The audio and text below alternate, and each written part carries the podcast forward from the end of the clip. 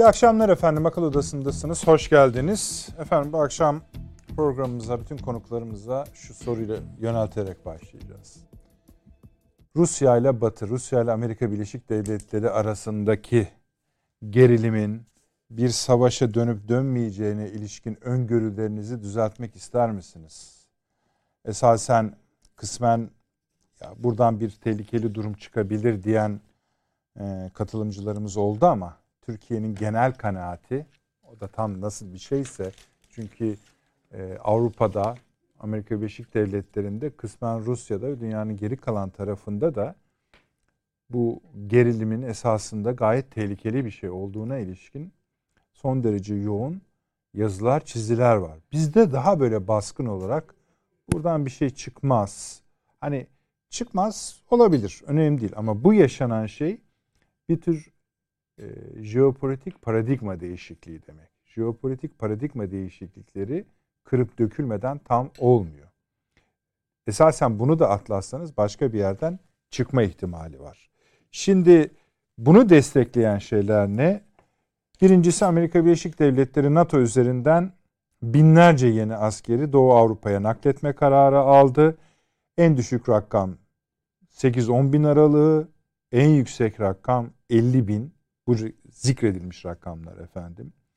Sonra Amerika Birleşik Devletleri, İngiltere ikisi birlikte Ukrayna'daki diplomatik personelinin personelin geri çekilmesi talimatı verdi.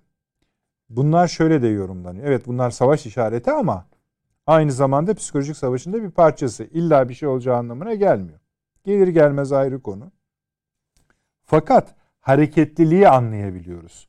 Bölgedeki her ülke Türkiye dahil Türkiye dahil her ülkede garip hareketlenmeler var. Mesela Hırvat lider, Hırvatistan lideri bugün çek, çıktı dedi ki eğer dedi burada bir gerilim çıksın, bir savaş olsun vesaire ben dedi NATO'daki askerlerimi geri çekerim dedi. Demek hani bir şey var. Almanya biliyorsunuz Alman hava kuvvetlerinin önemli komutanlarından bir general hem de Hindistan'da çıktı dedi ki bu dedi Rusya'ya saygı göstermemiz gerekiyor dedi. Yani istifa etmek zorunda kaldı. Ama genel kanaati biliyoruz ki Berlin'de, Berlin'in müesses nizamında da Rusya'ya yakın bu görüşleri savunan çok üst düzey yetkili birçok adam var. Öteki taraftan da aynı zamanda Almanya üzerindeki Amerikan etkisini de NATO etkisini de biliyoruz. Buna mukabil Rusya tarafından gelen açıklamalar da işin bir yere varıp varmayacağı konusunda hani insanı hakikaten şüpheye dönüştüren bu iş bir yerde patlarsa her yere sirayet eder. Mesela İngiltere Başbakanı söyledi. Eğer dedi burada bir savaş çıkarsa dedi bu sadece burası yanmaz dünya yanar dedi. Yani bunlar kendi resmi ifadeleri. Ee, başka şeyler de oluyor. Ee, mesela bugün e, bir yandan da hani o fotoğrafa bir defa daha bakayım. Biraz sonra sizinle de paylaşacağız efendim. Sayın Genelkurmay Başkanımız Avrupa Müttefik Kuvvetler Yüksek Komutanı Orgeneral Todd Walters ile bir telefon görüşmesi gerçekleştirdi. Resmi açıklama e, Avrupa'daki güncel olaylar, NATO'daki güncel olaylar. NATO'da güncel olay dediğiniz şey Ukrayna. Başka bir şey değil ki. Şimdi biz neredeyiz? Bir de böyle bir mesele var. Şimdi yine yayına girmeden önce sevgili paşalarım, paşamızla konuşuyorduk. Fahri Paşamızla. E bunun öncü birlikleri bizim hala komutamızda. Yani NATO'nun ilk vaziyet edecek muharip birlikleri de bizim komutamızın altında. Yani bir yere sürüklenmek de mümkün. Ne kadar hani dikkat etseniz de. Ama hava şu. Bakın Amerika'da da hava şu. Rusya'da da hava şu. Avrupa'da da hava şu. Burada tehlikeli bir şey bekleniyor. Olur olmazı ayrı bir konu. Ama bu iş gittikçe tehlikeli bir noktaya geliyor. Yine biraz sonra paylaşacağız. Kimi kaynaklar Rusya'nın Ukrayna'ya girdikten sonra hangi hattı çevireceğini yani nerede duracağına kadar belgeler, bilgiler yayınlıyorlar. Bu birinci konumuz devam edeceğiz efendim. Bu konu yani tehlikesi hiçbir şekilde bitmeyecek bir konu. Ne yani şu da bunu da kalacağız. Bağışlayın lütfen uzatıyorum. Şimdi bakın Biden'ın bunu çok arzu ettiğine ilişkin, krizi beslediğine ilişkin de çok sayıda yazı çizi çıkıyor, tartışma yapılıyor. Diyorlar ki ekonomi kötü. içerideki istikrarsızlıklar yani siyasi partiler arasındaki istikrarsızlıklar başka evreye gidiyor. Bütün anketler gösteriyor ki bu yılın sonunda hem gelecek yılı kaybetme ihtimali doğacak hem şu anki durumu. Bu yüzden bu krizi Amerika içindeki mutabakatı, Cumhuriyetçiler, Demokratlar ve müesses nizamın mutabak ortak bir zeminini ça- sağlamaya çalışıyor Beyaz Saray. Bu yüzden de bunu bu krizi sahipleniyor hatta kışkırtıyor. Şimdi bu çok oynanacak bir şey değil ki. Ruslar bunun farkında olsun olmasın Allah korusun demek lazım. Aynı şeyi Rusya için de söylüyorlar. Zamanı gelince konuşacağız. Efendim ikinci konu Türkiye'de dış politikada yeni dönem. Şimdi bugün Türkiye'nin en büyük iki gazetesi Hürriyet ve Sabah yani büyük gazetelerinden iki tanesi bu konuya haber olarak açtılar. Yani bu yeni dönem nedir? Bir briefing oldu külliyede. Bu briefing neticesinde de barış ve istikrar güvenliği gibi bir çemberin Türkiye'nin etrafında oluşturulması arzu edildiği. Bunun içinde işte e, Libya var, Mısır var, Ermenistan var, İsrail var. Zaten haberlerini görüyorsunuz. İran var mı yok mu bilmiyoruz. Yunanistan var mı yok mu bilmiyoruz. E, ama işte Suudi Arabistan'a gidecek Şubat ayında Sayın Cumhurbaşkanı ve orada boykot kalkacak Türk mallarına ilişkin. İşte bu zincirlerden bir tanesi. Keza İsrail'in yeni gelişmeleri biliyorsunuz. Ama bu tam nedir? Bunu doğrusu ben çok anlamadım. Daha önce de buna benzer projeler vardı ve bunları bir plana projeye oturtmak şu, icap ediyor mu? Bunlar zaten çalışan şeyler ve ne anlamamız gerektiğine ilişkin bu yeni plan ne yani Türk, Türk, Türk dış politikasında yeni dönem olarak sunulan bir şey. Ee, Ermenistan Cumhurbaşkanı istifa etti efendim. Bunun bir anlamı var. Hem Batı'da bir anlamı var hem Rusya'da ve Türkiye'de bir anlamı var. He tabii ki bölgede bir anlamı var. Onu konuşacağız. Bazı ufak olaylar var ufak tırnak içinde. Mesela Rusya ile Suriye Golan sınırında ortak hava kuvvetleri yani uçaklarıyla devriye yaptılar. Bu ilk defa oluyor. Kimi kaynaklar bizim sınırımızda da bunun yapıldığını söylüyorlar. Yani Suriye'nin kuzey bölümünde de bunun yapıldığını söylüyorlar. Şimdi bunu da konuşmak. Çünkü bir yandan da yani yukarıda havada bu oluyor ama aşağıda da DAEŞ'le PKK, YPG birbirine girmiş durumda. Yüzlerce ölü var. Orada da bir savaş hali, savaş değil mi? Çatışma hali sürüyor. Düşünün ki yani Kıbrıs seçimleri gibi konular. Mesela Çin'in Tayvan'a, Tayvan hava sınırlarını, sahasını 140 uçakla yaklaşık geçmiş olması. E, efendime söyleyeyim bu arada tabii şeyi de ekleyelim. Sayın Cumhurbaşkanı İran Cumhurbaşkanı ile görüşmesi vardı. Bu da e, bir doğal gaz tartışması var Türkiye'de. Biz o meseleyi de bu akşam ele alacağız ama böyle hani günlük o vasat klişeler üzerinden değil biraz böyle e, hani e, ar, perde arkasında biraz daha bakmaya gayret edeceğiz. Neyse çok uzatmayayım. Ee, Sayın Avni Özgürel hoş geldiniz. Hoş bulduk. İyi akşamlar. Profesör Doktor Süleyman Seyfi Hocam hoş geldiniz. Şeref verdiniz. İstanbul Ticaret Üniversitesi öğretim üyesi. Sayın Doçent Doktor Fahri Erenel, emekli Tuğ General İstinye Üniversitesi öğretim üyesi. Paşam hoş geldiniz. Şeref verdiniz. Dün akşam karla mücadeleye katıldınız mı? Yoksa sadece mahalli mi kaldınız? Mahalli kaldım. Mahalli kaldınız. Bu akşam aslında biraz onunla da açılışı yapabiliriz evet. Avni abi. Çünkü Tabii. dün akşam yaşanan şey bütün Türkiye'den gayet dikkatlice izlendi. Ee, hani bizim işte tabii bunun politik söylemleri çok olur. Burada ne yanlış yapıyor falan filan ayrı konu ama biraz buna değinmek de isteriz. Şunu da ekleyelim izleyicilerimize haberdar edelim. Bu akşam e, kısa bir 4 dakikalık bir röportajımız var. Profesör Doktor Thomas Dixon'la yapılmış bir röportaj bu. E, Royal Rolls Üniversitesi Cascade Enstitüsü'nün direktörü. Bu e, hoca e, Amerika Birleşik Devletleri'nin siyaseten ve ekonomik olarak ne zaman çökeceğine ilişkin bir takım siyaset bilimci kendisi, e, sağ çalışmaları da yapan birisi. Bunun tarihine ilişkin bir takım kestirmelerle dünya ve Türk basında yer almıştı. İlk defa bize konuştu, akıl odasında konuştu. Onları da, onu da size paylaşacağız. Şimdiden onu da duyuralım istedik. Hani buyurunuz. İzlediniz herhalde. Evet. bunu. Evet. Başta İstanbul olmak üzere. Tabii. İzlemekten öte yaşadık yani. Evet, tabii. Hep birlikte. Öyle. Ee, ve bugün için söyleyebilir, söylenebilecek olan şey bana göre çok şükür ki bir deprem falan bu arada olmadı. Maazallah olsaymış demek ki her bakımdan hazırlıksızız biz. Yani deprem dediğiniz işte insanlara yardım ulaşacak, sağlık bir kurumlarına şeylerin e, yaralıların şunun bunun iletilmesi, ula- ulaştırılması için bir organizasyon gerekiyor. Bütün yolların açık olması lazım bunun için.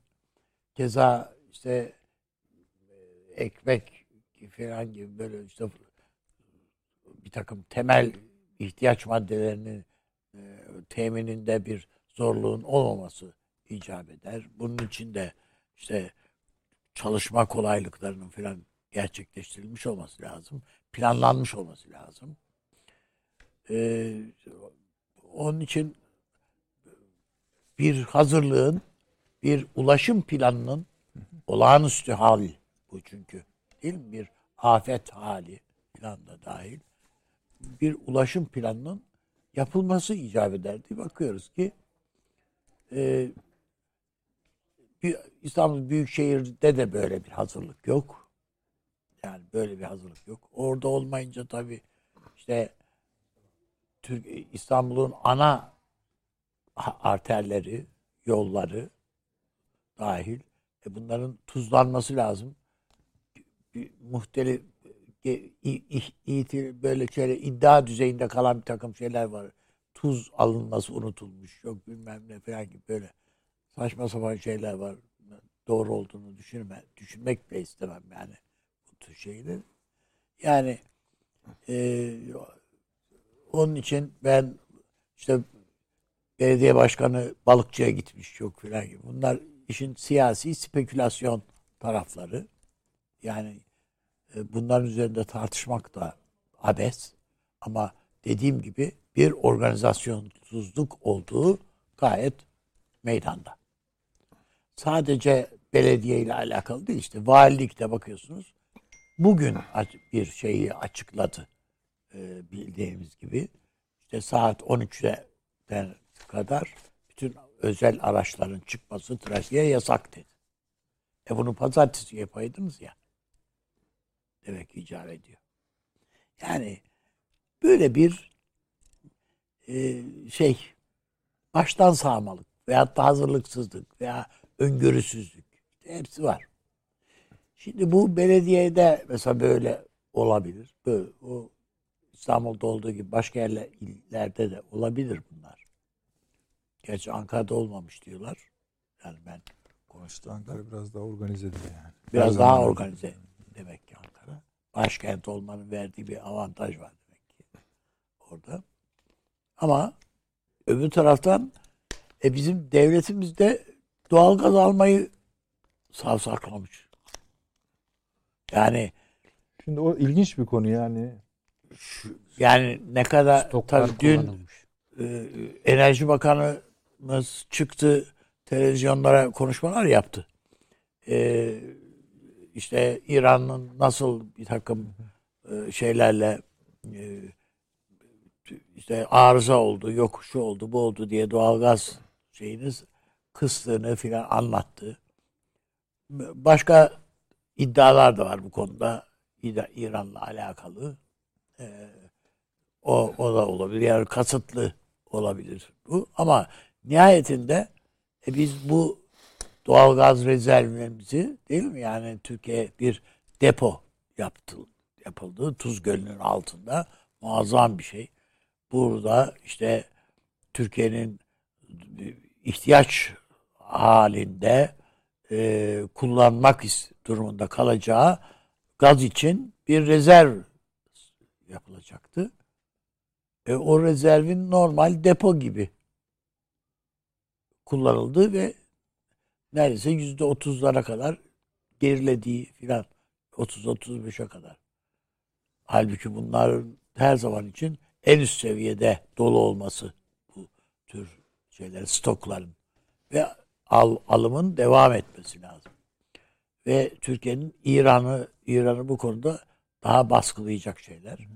E, öbür taraftan işte bir takım orada da dedikodu veya spekülasyonlar var. Parası ödenmemiş onun için İran vermiyor filan diye.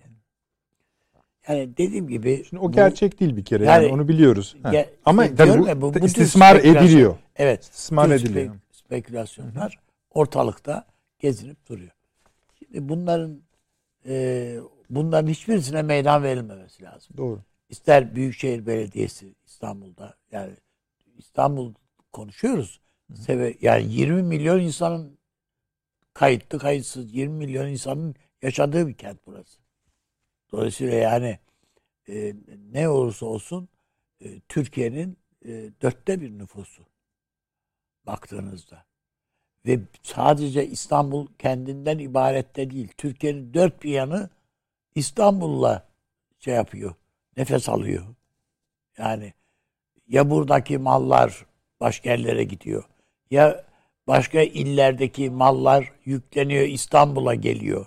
Eğer onlar gelemezse bir sorun. Tedarik zinciri. İşte yani bütün bunlar evet, Türkiye bir yerde bazen İstanbul'a çalışıyor veyahut da İstanbul Türkiye'nin geri kalan illerine çalışıyor.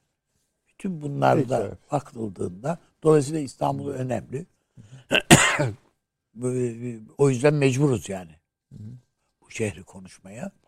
İşin pol- siyasi boyutu falan o ayrı ama e, trafiğin halini sabah öğlene kadar ki trafiğin halini televizyon gösteren televizyonlarda insanlar herhalde acınası tablolar gördüler. Yani bir takım sanatçılar filan da 20 saat filan yolda kalanlar var yani. Çıkıp anlatıyor insanlar yollarda. Dolayısıyla bunun bunun bir daha yaşanmaması için ne yapılması lazım? Bir dediğiniz gibi kar dediğimiz, sel dediğimiz, şu dediğimiz dört günde, beş günde geçer. Temizlersiniz, şunu yaparsınız. İşte falan. Ama beni korkutan deprem. Allah muhafaza etsin diye bakıyorum. Yani bu, bu mevcut olan efendim yok işte araçlar çıkmış da orada bilmem ne işte D100 yolunu tıkamış da e, insanlar yaya olarak metrobüs yolunda yürümeye başlamışlar falan. Bunlar da deprem öyle değil. Bütün o köprülerin yıkıldı, tahrip etmeye dönük bir şey doğal saldırı, tabiat saldırısı. E bunu bu bunun o gerçekleşmesi halinde bizim her şeye hazırlıklı olmamız Peki. icap eder. Bu noktada bizim ne kadar hazırlıksız olduğumuz bu sağlık kuruluşlarımızın filan yani belki sağlık kuruluşları hazırlıklı ama şu bir hastane sorumlusu bir tanıdığım bana dedi ki biz hazırlıklıydık. E, her tarafa sandviçleri koyduk dedi gelenlere falan. Peki. Çünkü Anladım. insanlar su var mı diye geliyorlar. Tabii tabii. O, yani şu var mı? E, yani sıkıntılı bir geceydi. Evet. Onu kabul ediyoruz. Şimdi bu hmm, Süleyman Hocam, tabi sizin de bu konuda söylemek istedikleriniz varsa hay hay. Fakat bu e, İran ve doğalgaz meselesi de tıpkı yani e, istismar edildi. Şimdi birincisi hani e, Sayın Enerji Bakanı dün canlı yayına da çıktı. Ben de sonradan izleme şansı buldum geri alıp şey yapar. Bir bu borç harç meselesi çok ucuz bir şey. Çünkü öyle olmuyor. Yani bu kira gibi bir şey değil. Hani ay sonu geldi kiramı ödeyeyim yakıt faturası geldi şey öyle bir şey değil. Bu anlaşmalar bambaşka anlaşmalar. Fakat asıl ben sizin hani şu konudaki fikrinizi şimdi bir şey yapalım. Yani asıl problem evet bir arıza var deniyor. Ee, o kadar büyük bir arıza değil. İşte 10 gün içinde. Türkiye'de diyor ki karşı cevap olarak ya madem öyle bunu şey atamaz mıyız? Kışın sonrasına. Büyür müyür büyük problem olur. Şimdi hay hay diyor Türkiye ne yapacaksınız falan filan. Şey boyutunu ayrı konuşmak isterseniz olur. Ya kardeşim tamam da hani, hani Tam anda... gününü mü buldun diye. Ha. Şimdi bazı e, üzerinde beni düşündüren şeyler var, zamanlamalar var. Bunlardan birincisi Amerika Birleşik Devletleri'nin bu Akdeniz'le ilgili meselesi. Akdeniz enerjisiyle ilgili meselesi. Bu büyük bir çatı olarak da görebilir. Zamanlamayı ben kendime göre toparlamak istedim. Sonra e, İran Cumhurbaşkanı'nın bu gaz kesintisinden hemen önceki Moskova ziyareti, Türkiye'nin Ukrayna'daki rolü, sonra Sayın Cumhurbaşkanımızla reis arasındaki görüşme, sonra bu hava şartlarının herkes tarafından görülüyor olması, yani İran'ın bizde kuzey tarafının şu anda çok ağır kış şartları altında olduğunu biliyoruz ve bu yani bunu anlayışla da karşılıyoruz. Onlar çünkü içeriye de vermek zorundalar ayrı bir konu. Ama tam da aynı gün yani biz ya ne yaptık İstanbul'da bu işi nasıl böyle kötü yönettik falan derkenden bir iki gün önce oluyor bu olaylar. Bu gaz kesintisi. Hani işin öbür tarafına Avni abi söyledi ya bu hani niye yani bu Tebri, Tebriz'de kesmiyor. gibi. O bölgede kesmiyor Ondan mesela. sonra, Güney, Ee, Güney Azerbaycan'da kesmiyor mesela. Bir yandan İsrail-Türkiye ilişkisi hani şeyi buradan Avrupa'ya götürelim meseleleri falan ve nihayet tabii şu e, Türkiye'nin Ukrayna'daki rolü üzerinden. Acaba bütün bu şeylerde bir kuşku aramalı mıyız? Yani arayabiliriz tabii ki. Tabii ki. Denk Yani-. Ama ispatı ayrı bir Ayrı bir şey. Zaten bir hani mesele. şeyi de ispatlayamıyoruz. Tabii, Onu Sayın tabii. Enerji Bakanı da söyledi. Hani valla burada hani e, arıza var. Çok büyük bir arıza değil. İşte şeye de vermek zorunda kaldık. Yani Tahran'ın bize söylediği. içeride de kış çok yüksek olduğu için hani içeriye de bir anda fazla miktarda gitti. O da dedi ki Sayın e, Enerji Bakanı e, tabi bunu dedi ispatlamamız bizim dedi mümkün değil yani hani bilemeyiz. Ama dedi ta, bu işin şartnamesi var. Yani arkasından şey gelir.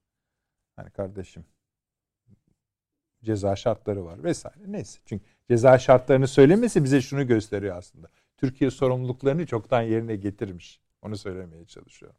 Peki buyurun Sayın Hocam.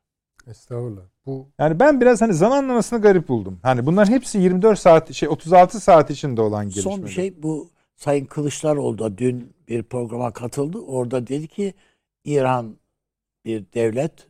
Dolayısıyla devletin yaptığı açıklamaya güvenmek zorundayız dedi. Valla biz o işlere tam öyle bakmıyoruz. Yani hayır yani Hı. arıza var diyorsa Yapacak bir şey. ar- ha, yani arıza var demek ki. Peki. yani ne ne İşte bu tamam hani böyle mi? Bunlar biraz hani ben bir mesaj mı olabilir aynı zamanda diye işte hatta hatta daha ileri de götüreyim. Bu artık şey efendim hani speküle ediyoruz. Evet. Yani Rusya üzerinden gelen bir şey de olabilir. Yani tabii bunun arka planını doğrusu ben de çok değerlendiremeyeceğim. Yani spekülasyon da ha, yapmak bazı şüpheler üzerine bir yere kadar kabul görür. Onun için hani çok ileri şeyler söylemeyeceğim ama şunu söyleyebilirim. Ee, bugün adı konmamış bir enerji kavgası var. Çok özür dilerim. Gazprom'un da e, bu sabah açıklaması oldu. Dedi ki onu da bakın hani Avrupa'nın tamamında dedi. Şu anki gaz rezervi tarihin en düşük gaz rezervi. Gaz rezervi. Yani nereden Oraya onu- yakarsanız onu yak diyeceğim de söyleyecektim. yakamazsınız yani. Yok. Ee, imdada yetiştiniz. Estağfurullah. Ee, yani bir kere Rusya'nın varlık sebepleri birçok açıdan saldırı altında. Aynı şey İran için de geçerli. Yani aynı şey Arap dünyası için de geçerli. Tartışılan belki henüz yeteri kadar ses getirmeyen hatta biraz ele yüze bulaştırılan bir enerji değişim e, iddiası var. Bu aslında biraz üzerinde durursak görecek göreceğiz ki medeniyeti toptan değiştirebilecek kadar etkili bir şey. Yeşil enerji bilmem ne. Yani karbon enerjiden vazgeçme. Bu bir teklif olarak insanlığın gündemine kondu. Bu, bu ne demek? Tutun ki başarılı oldu. Rusya yok demek yani. Çünkü Rusya'nın başka bir şeyi yok. Bu ne demek? Ee, Arap dünyası allak bullak olur. İran allak bullak olur. Ne kadar yani petrol üreticisi, doğalgaz üreticisi e, devlet varsa bunların hepsinin çok ciddi beka meseleleri ortaya çıkar. Şimdi burada bir yüklenici bir grup var dünyada ve bunlar Rusya'nın üzerinde aynı aktörleri görüyoruz. Bunlar İran'ın üzerinde. ve tabii bu ekonominin üzerine kurulu olduğu enerji, konvansiyonel enerji kaynaklarını bugün hala en yüksek derecede tüketen Çin'in üzerinde. Yani şimdi biraz da bu bize bir perspektif kazandırıyor günlük olayları takip ederken. Bir de başka bir şey var. Bu tabii çok makro bir gerilim alanı. Hali hazırda tabii insanlık böyle bir büyük dönüşüme imza atmış falan değil. Hala konvansiyonel enerji kaynaklarıyla büyük ölçüde götürülen e, ekonomiler var. Ama bir de konvansiyonel e, enerji dolaşımıyla ilgili bildik hatları zayıflatacak yeni hatların inşası diye bir şey gündeme geliyor ki burada bence başat e, coğrafyalardan biri Akdeniz. Şimdi bunu Rusya ister mi? Bunu İran ister mi? İran'ın Kafkasya'daki pozisyonlarına baktığınız zaman Hazar petrollerinin e, İran petrollerini e, dünya pazarlarında e, küçültecek, küçültecek, e, hacim kayıplarına e, yol açabilecek e, bir potansiyeli elinde tuttuğu için orada bir sorunlu taraf olarak kendini ortaya koyuyor. Rusya niye e, Libya'da? Rusya niye Suriye'de? Rusya'nın ne işi var Akdeniz'de diye düşündüğünüz zaman bu alternatif enerji kaynaklarını kontrol etmek bana kalırsa istikrarsızlaştırmak sonuna kadar ve en başta Avrupa'nın enerji e, ihtiyacında tekel olma pozisyonunu devam ettirme gibi bir arzusu var. Yani aslında baktığınız zaman evet birçok şey enerji meselesine doğru gidiyor. Ya da daha doğrusu herhangi bir bölgesel sorunun izini sürdüğümüz zaman yani birçok kapıyı geçtikten sonra karşımıza irice bir kapı çıkıyor. Bu da enerji kapısı yani. Dolayısıyla burada bence gerek üretim gerek tüketim boyutunda daima üzerine oynanabilecek e, günlük siyaset veya ne bileyim senelik siyaset e, düzeyinde sürdürülecek e, ya da oynanacak oyunlar var. Buraya oturur mu bu bahsettiğiniz şey? Oturabilir. Niye olmasın? Ama tabii dediğim gibi biraz takibini yapmakta İyi fayda yapmak var. gerekiyor. Evet. Şöyle de hatta ben mesela bu Azerbaycan-Ermenistan savaşının çok öncülüğünün işareti olarak hatırlayacaksınız Rusya'nın belki bir ay öncesinde savaştan bu reyonlar meselesini çözmemiz gerekir açıklaması Ya, vardı. tabii, çok tabii. ciddi bir ipucuydu. Tabii. Bu bir şeyin gelmekte olduğuna ilişkin. Amerika Birleşik Devletleri'nin de Akdeniz'deki ismeti bozmasını da ben o derecede şey önemli görüyorum. Çünkü sizin dediğiniz gibi ayrı bir enerji hattı yolu işaret etmiş oluyor. Bu arada paşam eminim e, bilgi sahibidir. E, Çin, Moğolistan ve Rusya arasında bir anlaşma imzalandı. Tabii. Doğal gazın Rusya'dan Çin'e ve inanılmaz bir rakam. Yani Avrupa'nın falan ka- kat kat üzerinde bir rakam. Hatta şeyi de boşaltan bir rakam. Avrupa'ya vereceği gazı kadar. Hani bilmiyorum o ellerinde ne kadar var. Dediğim gibi takibi gereken bir şey bu. Şimdi bu da yeni imzalandı bu hafta içinde. Tamam. Bu da önemli bir parça. Tamam herhalde. Buyurunuz paşam. Ee, İran konusu mu? Yani tabii Olur. e, bu Hatta afet yani arzu ederseniz sizin çok uzmanlık alanınız Evet. kısaca afet. belki kısaca olmak şartıyla. yani bu Dün akşamki işe de bir, bir Tabii yani bu öncelikle e, ona katılıyorum. Yani her ne kadar yoğun kar yağarsa da yağsın e, İstanbul'un e, afet konusundaki sorunu hala devam ediyor. E, bu sorunların bence çözümünün e, tek yolu AFAD'ın e, veya Türkiye'de afet konusunun e, ayrı bir bakanlık haline getirilmesi ve e, bütün büyük şehirlerdeki afet yönetiminin çok başlığına son verilerek e, AFAD yönetimi altında koordine edilmesidir. Yani AFAD'ın e, bu, bu iş artık uzmanlık e, işi haline geldi. Bütün dünyada böyle. Bakın kritik tesis ve altyapıların korunması diye bir kavram var. Türkiye bu konuda çok iddialı girdi. 2013'lü 14'te strateji eylem belgesi de hazırlandı. Fakat bugüne kadar e, bunlar hayata geçmedi. Kritik altyapı ve tesislerin korunması sadece bir afet acil durum değil. Bir savaşta, bir salgın hastalıkta, e, benzeri bir şekilde yağışta, iklim değişikliklerinde de geçerli planlamalardır. Yani bu yüzden de bu olaylarda belediyelerin, e, valiliklerin tamamen şehrin diğer faaliyetleriyle ilgilenmesi ve AFAD'ın yetkileri daha da genişletilerek elbette e, siyasetin üstü değil ama bu konuda uzmanlardan oluşan e, bir ekiple yani AKOM'a bakıyorsunuz. AKOM'un yapısı içinde Türkiye'de de öyle kriz yönetiminde çok geniş e, e, birimlerden katılımlar var. Siz ona talimat veriyorsunuz. O kendi kurumuna yöneticisine veriyor. O ilgili birime veriyor. Ben bunun yapısıyla da ilgili hatta bir iki belediye içinde bir taslak çalışma hazırlamıştım. İlgili belediyelere de gönderdik. İzmir'e gönderdik yaptığımız bu çalışmaları. Bugüne kadar hiçbiri hayata geçmedi. Dolayısıyla Türkiye'nin... Kimse, kimse Türkiye'de şurası ben benim dediği yerden vazgeçmiyor zaten. Yani, yani, yani ele geçirdiği ama yerde o iş, tamam da o işin bayrağını işi yapılması gerektiği zaman da kimse kimse yani, dün, dün akşam büyük şehir ortada olmayınca herkes Tabii. bu kurumları işte bir anda evet. demek ki yani burada dediğim gibi yani yaptığım e, tüm incelemede Türkiye için AFAD gerçekten iyi bir e, kuruluş giderek de güçlü hale geliyor. O yüzden örneğin o da gittiği zaman e, işte İçişleri Bakanlığı bağlantısı vesaire gibi e, doğrudan doğruya Cumhurbaşkanlığına bağlı e, Afet İşleri Bakanlığı diye e, bir yapılanma. Yani Türkiye'de bunu hep karşılaşıyoruz. Karadeniz sel, heyelan, İzmir depremi işte geçen gün Dursun Bey de 4.7'lik depremler korkuttu bizi. İstanbul içinde bu işin uzmanları sürekli uyarıyor.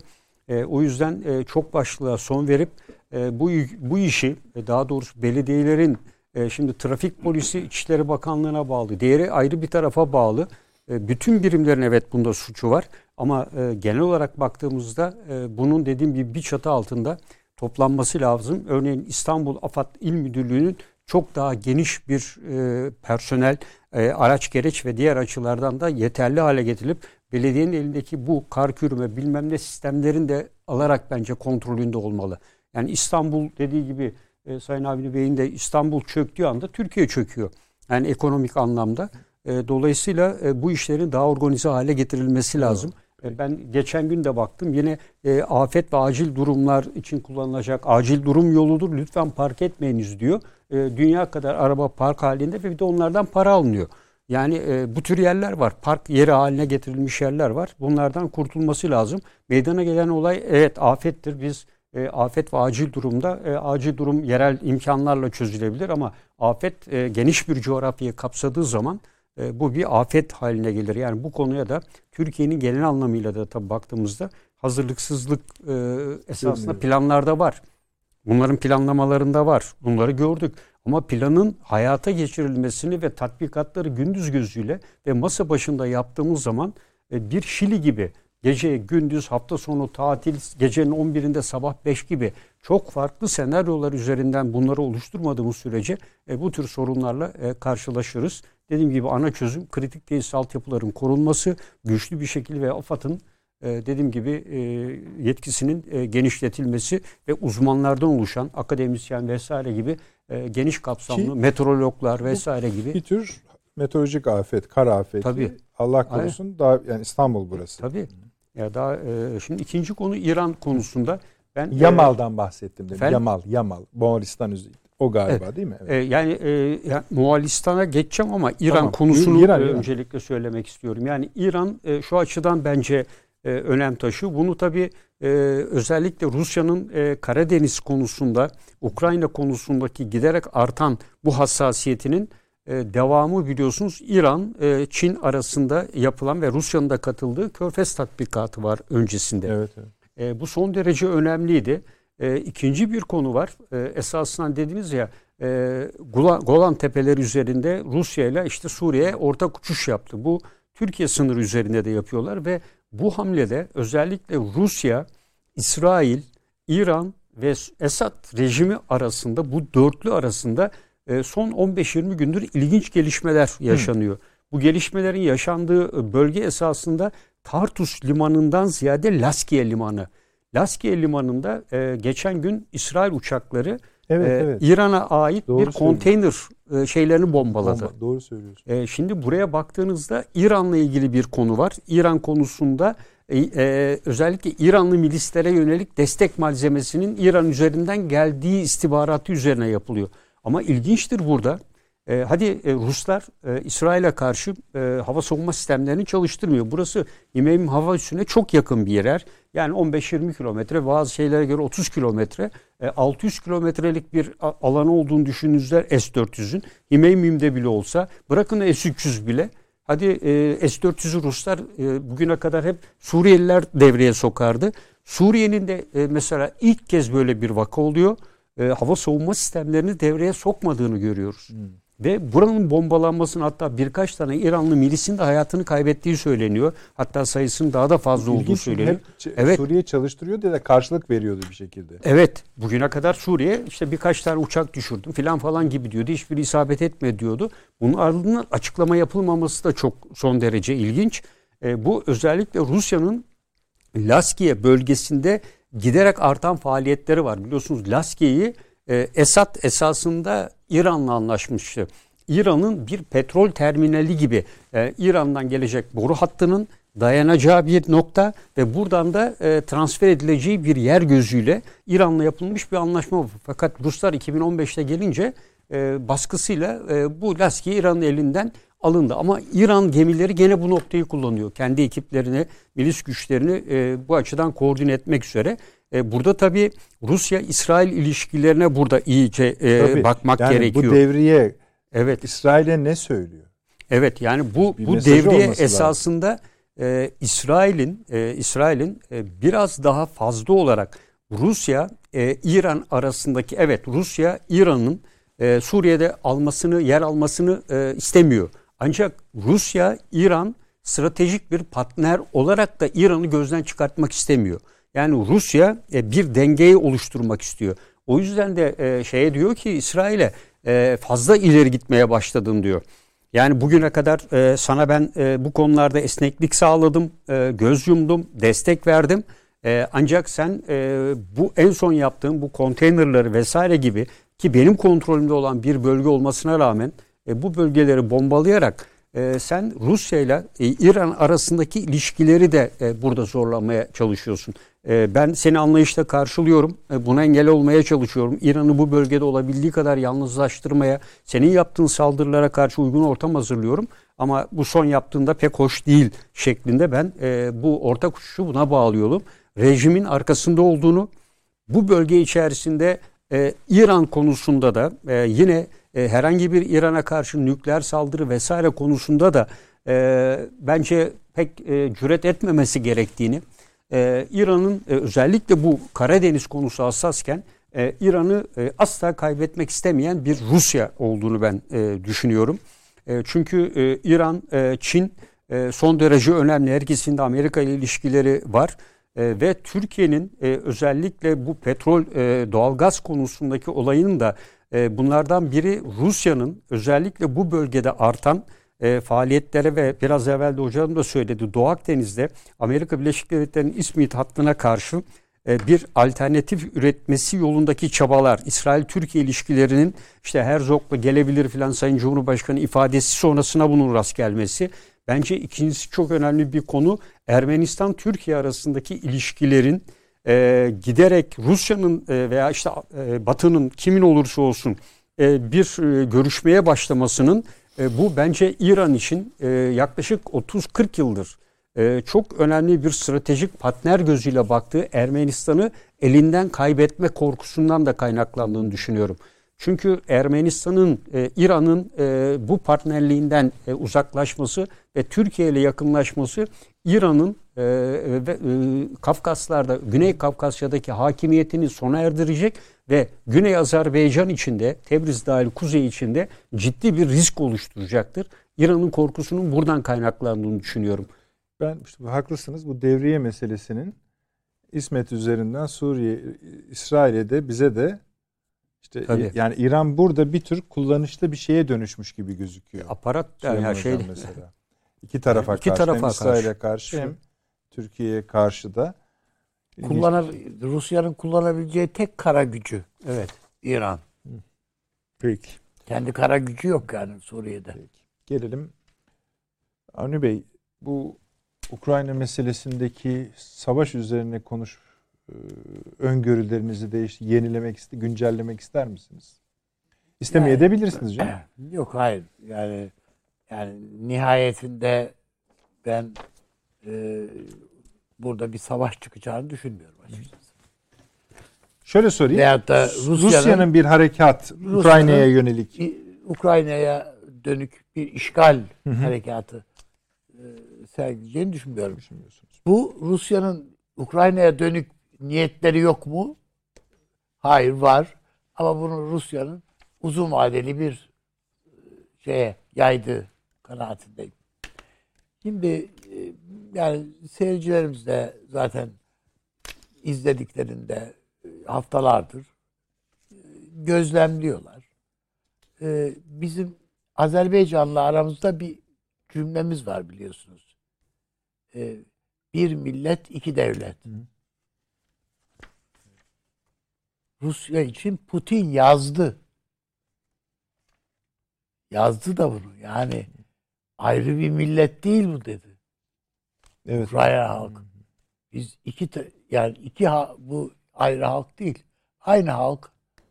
Ee, Ukrayna halkıyla Rus halkı farklı değil.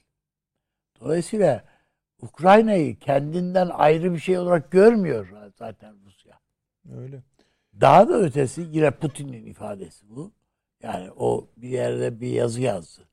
Epey uzunca bir makale gibi.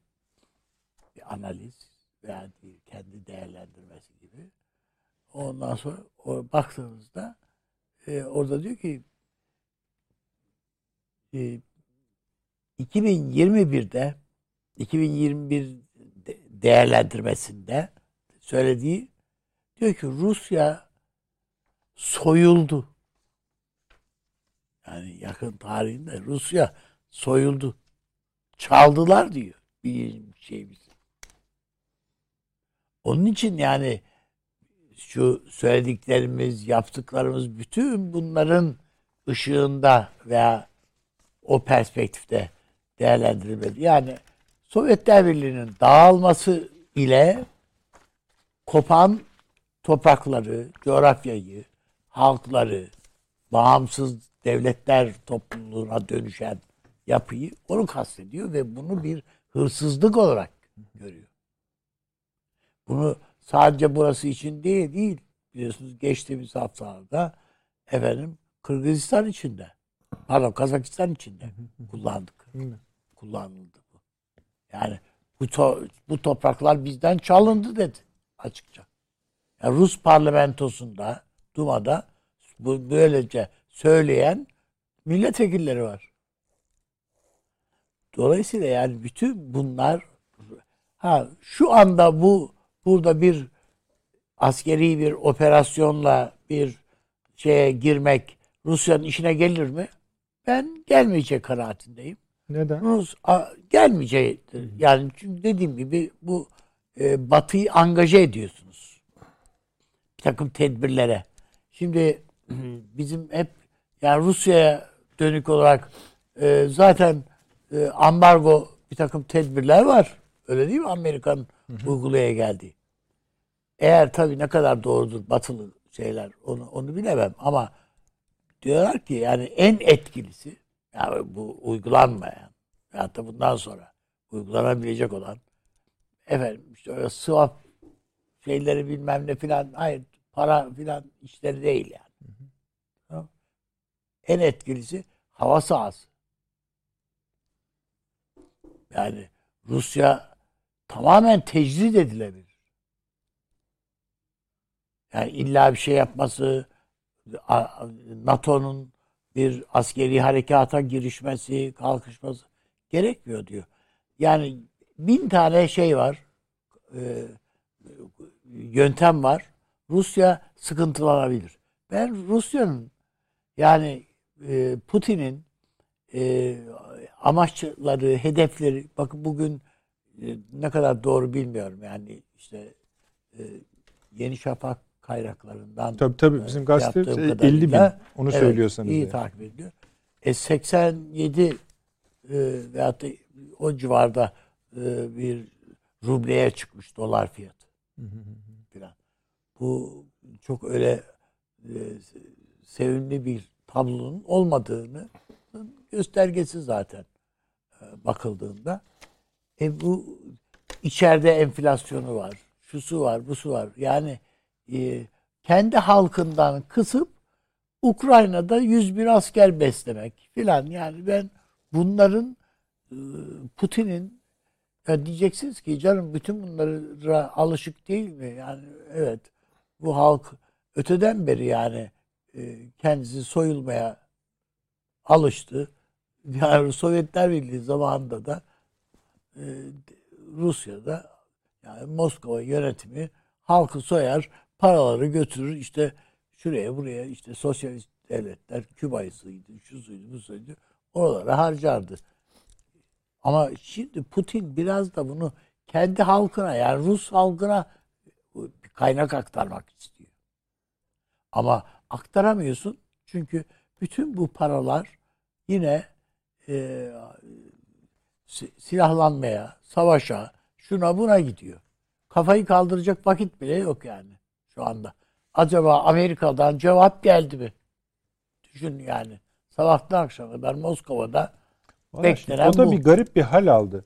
Şimdi bu hafta içinde ya da en geç bu hafta sonunda evet. Amerika Birleşik Devletleri'nin bir cevap vermesi gerekiyor. Yani NATO üzerinden de vermesi evet. gerekiyor. Vermesi gerekiyor da ne Rusya Onlar da onu bekliyormuş gibi. ama değil mi? Yani vermeyeceğiz demiyorlar. Vereceğiz tamam. diyorlar ama. Vereceğiz diyorlar ama. Orta, yani orta, şimdi biliyoruz yani, ki biz de evet. yazarız o metni burada evet. ve hiçbir şey hiçbir vermeye. Şey vermeyecek tabii. Ama metin süper gözükebilir. Tabii çok güzel bir metin, edebi metin. Olabilir yani gayet güzel.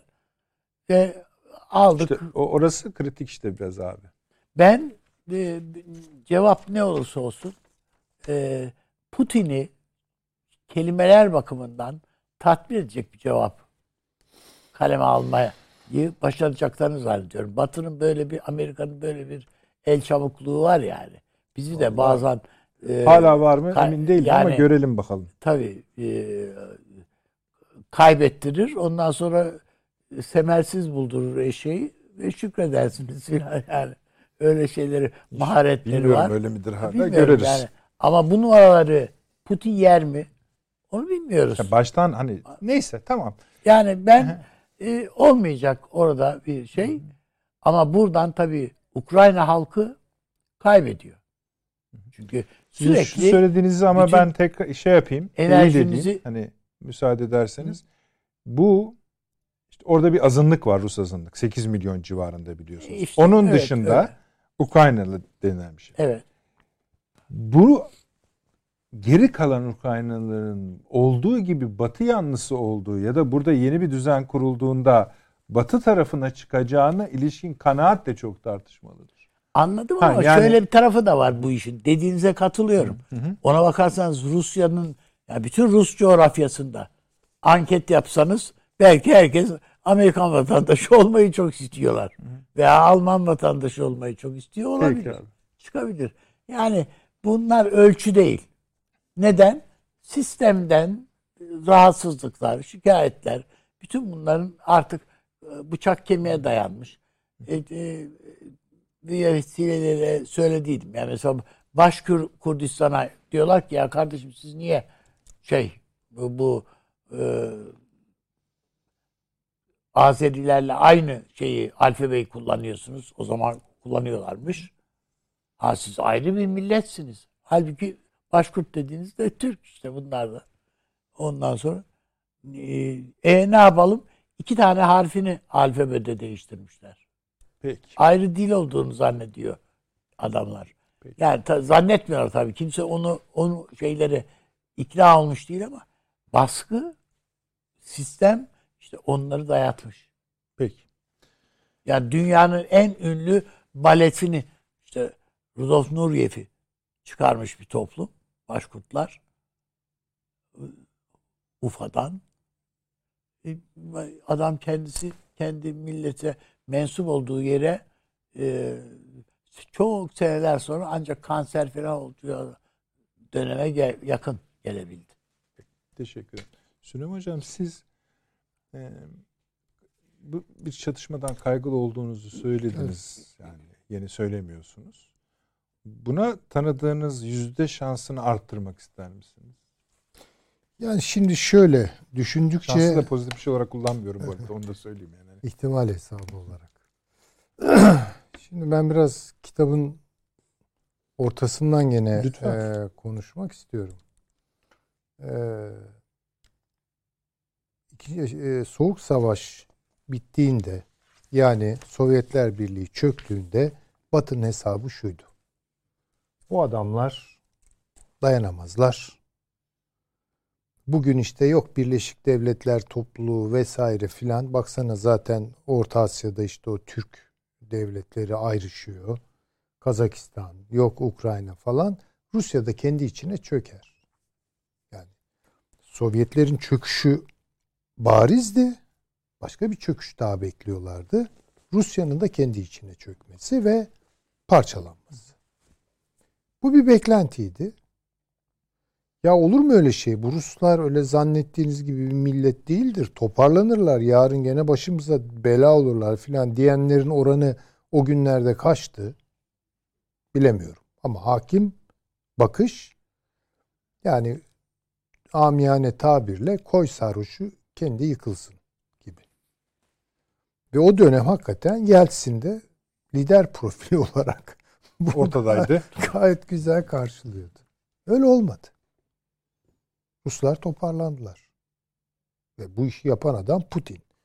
Putin Rusya'nın tarihine ismini altın harflerle kazıdı. Yani bunu teslim edelim ya. Doğru. Beğenelim veya beğenmeyelim. Rusya'yı ayağa kaldıran adam. Belki ikinci Petro olarak. Yani Rusya'nın belki ikinci kurucusu olarak. Bilemem yani. Onu daha sonra sıfatlayacaktır tarihçiler.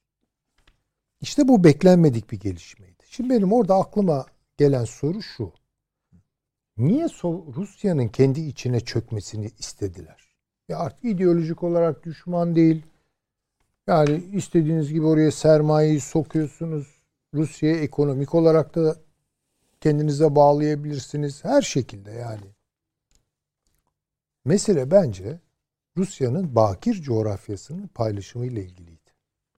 Ve Aliyev'in bugün hala meselenin bu olduğunu düşünüyorum ben. Yani Sibirya. İşte o uçsuz bucaksız coğrafyalar ve onun altındaki yani toprağın altındaki inanılmaz belki ne kadar tapusu, kadastrosu yapılsa bile hacminin ne olduğu konusunda işte o jeolojik araştırmalar, maden araştırmaları vesaire bize ne söylüyor? Yani ne kadarını söylüyor? Ondan da çok emin değilim. Ama hakikaten muazzam bir zenginlik coğrafyası. Ee, bunun Çin'in eline geçmesini istemiyorlar. Benim gördüğüm bu. Kimler istemiyor? Hemen ben adını da koyayım bunun. Amerika Birleşik Devletleri, İngiltere ve Dominyonları. Yani tek tek sayalım. ABD, İngiltere, Kanada, Avustralya, Yeni Zelanda. Beşli. Bunlar istemiyorlar. Şimdi Rusya'nın beklenmedik bir e, ayağa kalkışı karşısında paniklediler. Yani şöyle paniklediler. Neyle cevap verecekler buna? İdeolojik olarak bir cevap veremiyorsunuz. Yani Putin'in Merkez Bankası siyasetlerine bakıyorsunuz. Gayet liberal. Efendim söyleyeyim herhangi bir şekilde yani Batı'nın hakim doktrinine, ekonomik doktrinine aykırı bir şey de söylemiyor. Yani geçinilir normal olarak bu adamla. Hayır. İşte ondan sonra NATO'nun genişleme siyasetleri başladı ve bir boğma süreci. Ben bugün gelinen noktada tabloyu şöyle özetleyebilirim, resmedebilirim. Rusya ağır bir muhasara altında. Ağır bir muhasara altında ve bir çıkış yolu arıyor kendisine. Çünkü Putin şunu çok iyi gördü. Eğer Polonya'da gösterdiğim eee, dalgınlığı, Zafiyet diyeyim. Ha, dalgınlık. zafiyet, gaflet. O daha Çünkü ağırını suçluyor onları esas. tabii, yani o dönem bu işe imza. Tabii canım. Eğer ben bunu Ukrayna'da yaparsam Beni götürür. bu Moskova'da patlar. Sadece ulusal güvenlik açısından değil, kendi siyasi şeyini de, politik geleceğini de götürür. Götür, yani. Rusya'yı götürür yani. Tabii. Rusya'yı götürür. Şimdi Yani bunu Rusya dağılır demek istiyorsunuz hocam değil mi? E tabii ki Ha, yani demek Rusya ne olur Evet. artık bilmiyorum yani. Yani dağılmasa da o Rusya yani olmaz artık yani. Rusya olmaz yani. Tamamen Yani eski Bence- knezlikler dönemine filan. artık bilemem tabii yani onun fotoğrafını nasıl çekebiliriz. Pikselizasyonu şu an çok zor. Yani çok zor. Ama şu var ki hakikaten tarihteki ağırlığını kaybeder. Yani bu, bu çok açık.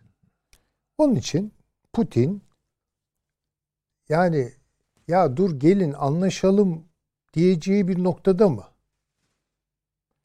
Yani siz bir şeyler verin, ben bir şeyler vereyim. Ortada bu hayır bu noktada değil. Değil. Beni ürküten şey de bu. Yani sahada bir gerçeklik olması gerçeklik gerektiğine var. inandı. Yani Moskova. e, şimdi demin üstadımızı dinlerken hani aklımdan geçti. Putin'in kafasında şu an Rusya'nın refahı falan yok. Rusya'nın bekası meselesi. Buna ne diyorlar Rusça'da onu bilmiyorum. Taşan Soğucu olsaydı söylerdi. Yani bir beka meselesi var. Onun için göze alamayacağı hiçbir şey yok. Ben söyleyeyim. Göze alamayacağı hiçbir şey yok. Programdan önce kendi aramızda işte haberleri değerlendirirken hani konuşurken de geçti. Eminim şimdi Paşam onun ayrıntılarını çok daha güzel verecekti.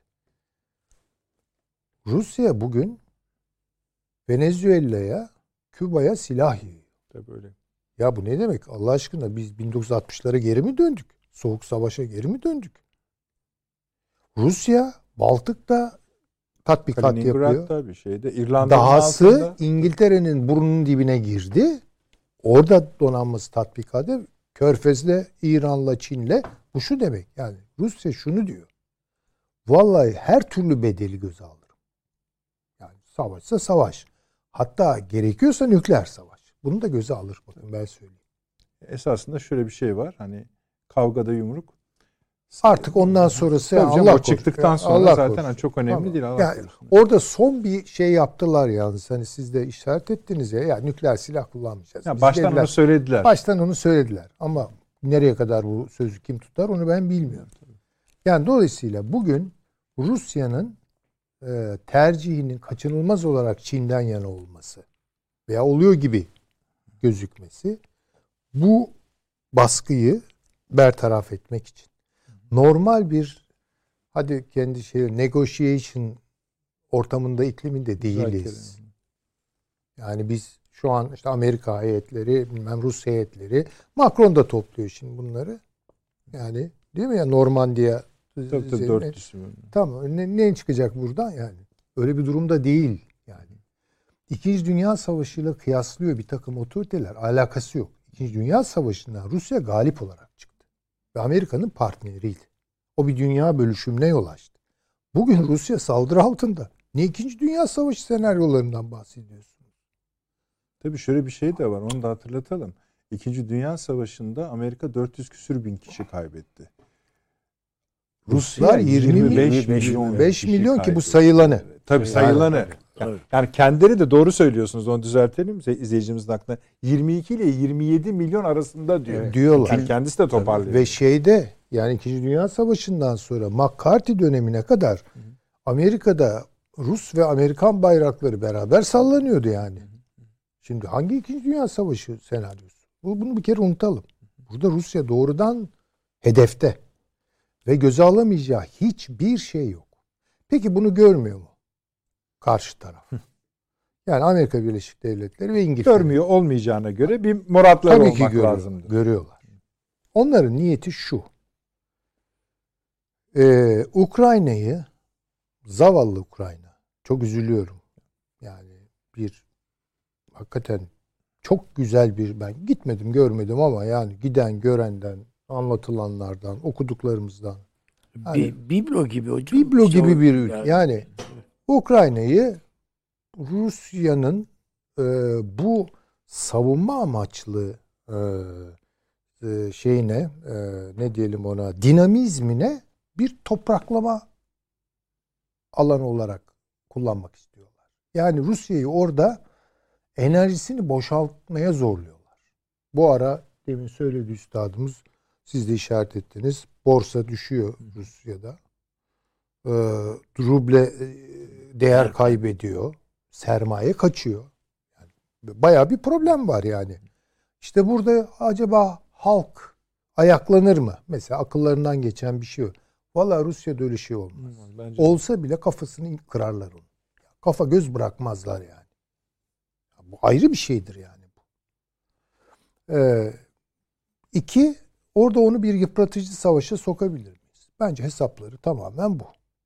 Hesapları tamam. Ama şimdi o zaman başka hesaplar giriyor devreye. Tabii yani. O da şu. Almanya'nın hesabı. Başka kapılar açıyor. Ha, Almanya'nın hesabı giriyor, Fransa'nın hesabı, hesabı giriyor. Ya onlar da diyorlar ki ya tamam da Hiç yani böyle uzun süren bir yani Ukrayna, Afganistan olursa biz unutacağız o zaman e, Rus gazını falan yani. Öyle. Değil mi? Ee, onun için bir araya girip bir şeyleri düzeltmek istiyorlar ama çok etkili olamıyorlar. Burada peşinden sürüklüyor hepsini. Evet, şeyi vidayı böyle e, sonuna kadar bükme taraftarı olan iki güç var. İngiltere ve Amerika bile bence ağırlıklı olarak tarihsel tecrübelerin de ışığında Kırım'a kadar geri götürebiliriz. Bakın Kırım'la mukayeseler yapılabilir belli açılardan. Ee, Kırım'a kadar götürebiliriz.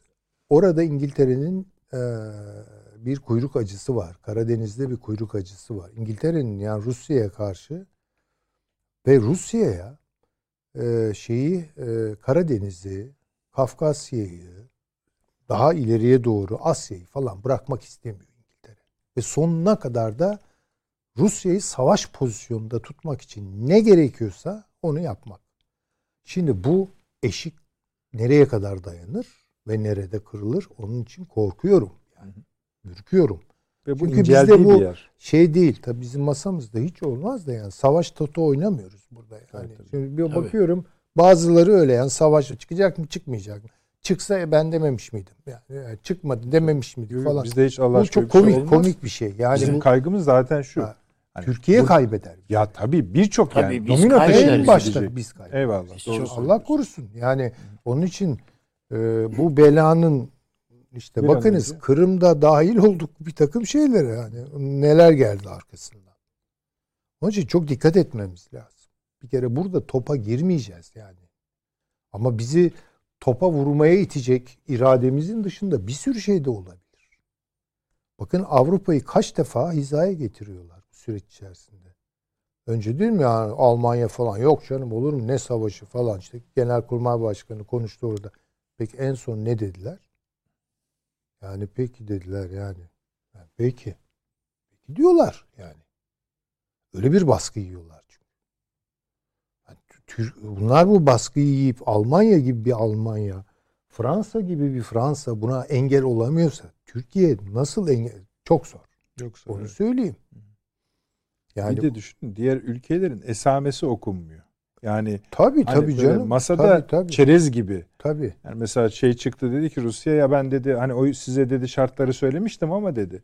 Hazır dedi elinizdeymişken dedi şu Romanya ile Bulgaristan'daki NATO varlıkların da bir zahmet dedi. Çünkü Rusya Hı. şöyle değil. Yani mesela Ukrayna'yı diyelim ki e, masada kazandı.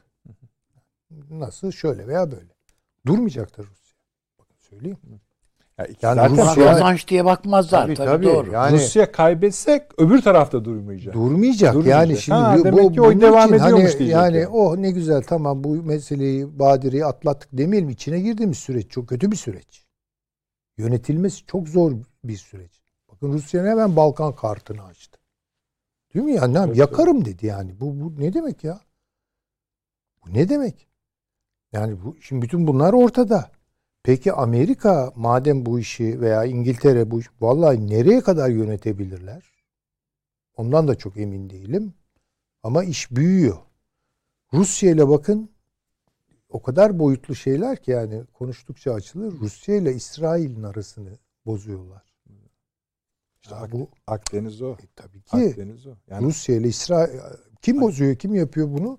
Vallahi ben büyük ölçüde gene burada adadan şüpheleniyorum. Hayır şöyle bir şey zaten bakın Akdeniz'deki enerji meselesinden çekiliyoruz lafını Amerika söylemiş olsa da o kafa yok Amerika'da. Yok Yani tabii. orada çekilen bir geri adım kaç kapı birden açtı bak. Tabii, Konuştuğumuz konuların hepsiyle ilintili yani. Tabii. Hepsi. Ama stratejik ortaklıklara ve dengelere henüz daha tam karşılık gelmedi. Yok. Hı hı. Onu bekleyeceğiz ne Bekleyeceğiz, olacağı. biz Ama bekleyeceğiz. Rusya'nın bu sizin de işaret ettiğiniz son devriye uçuşları falan. Garip şey. Yani o İsrail'e.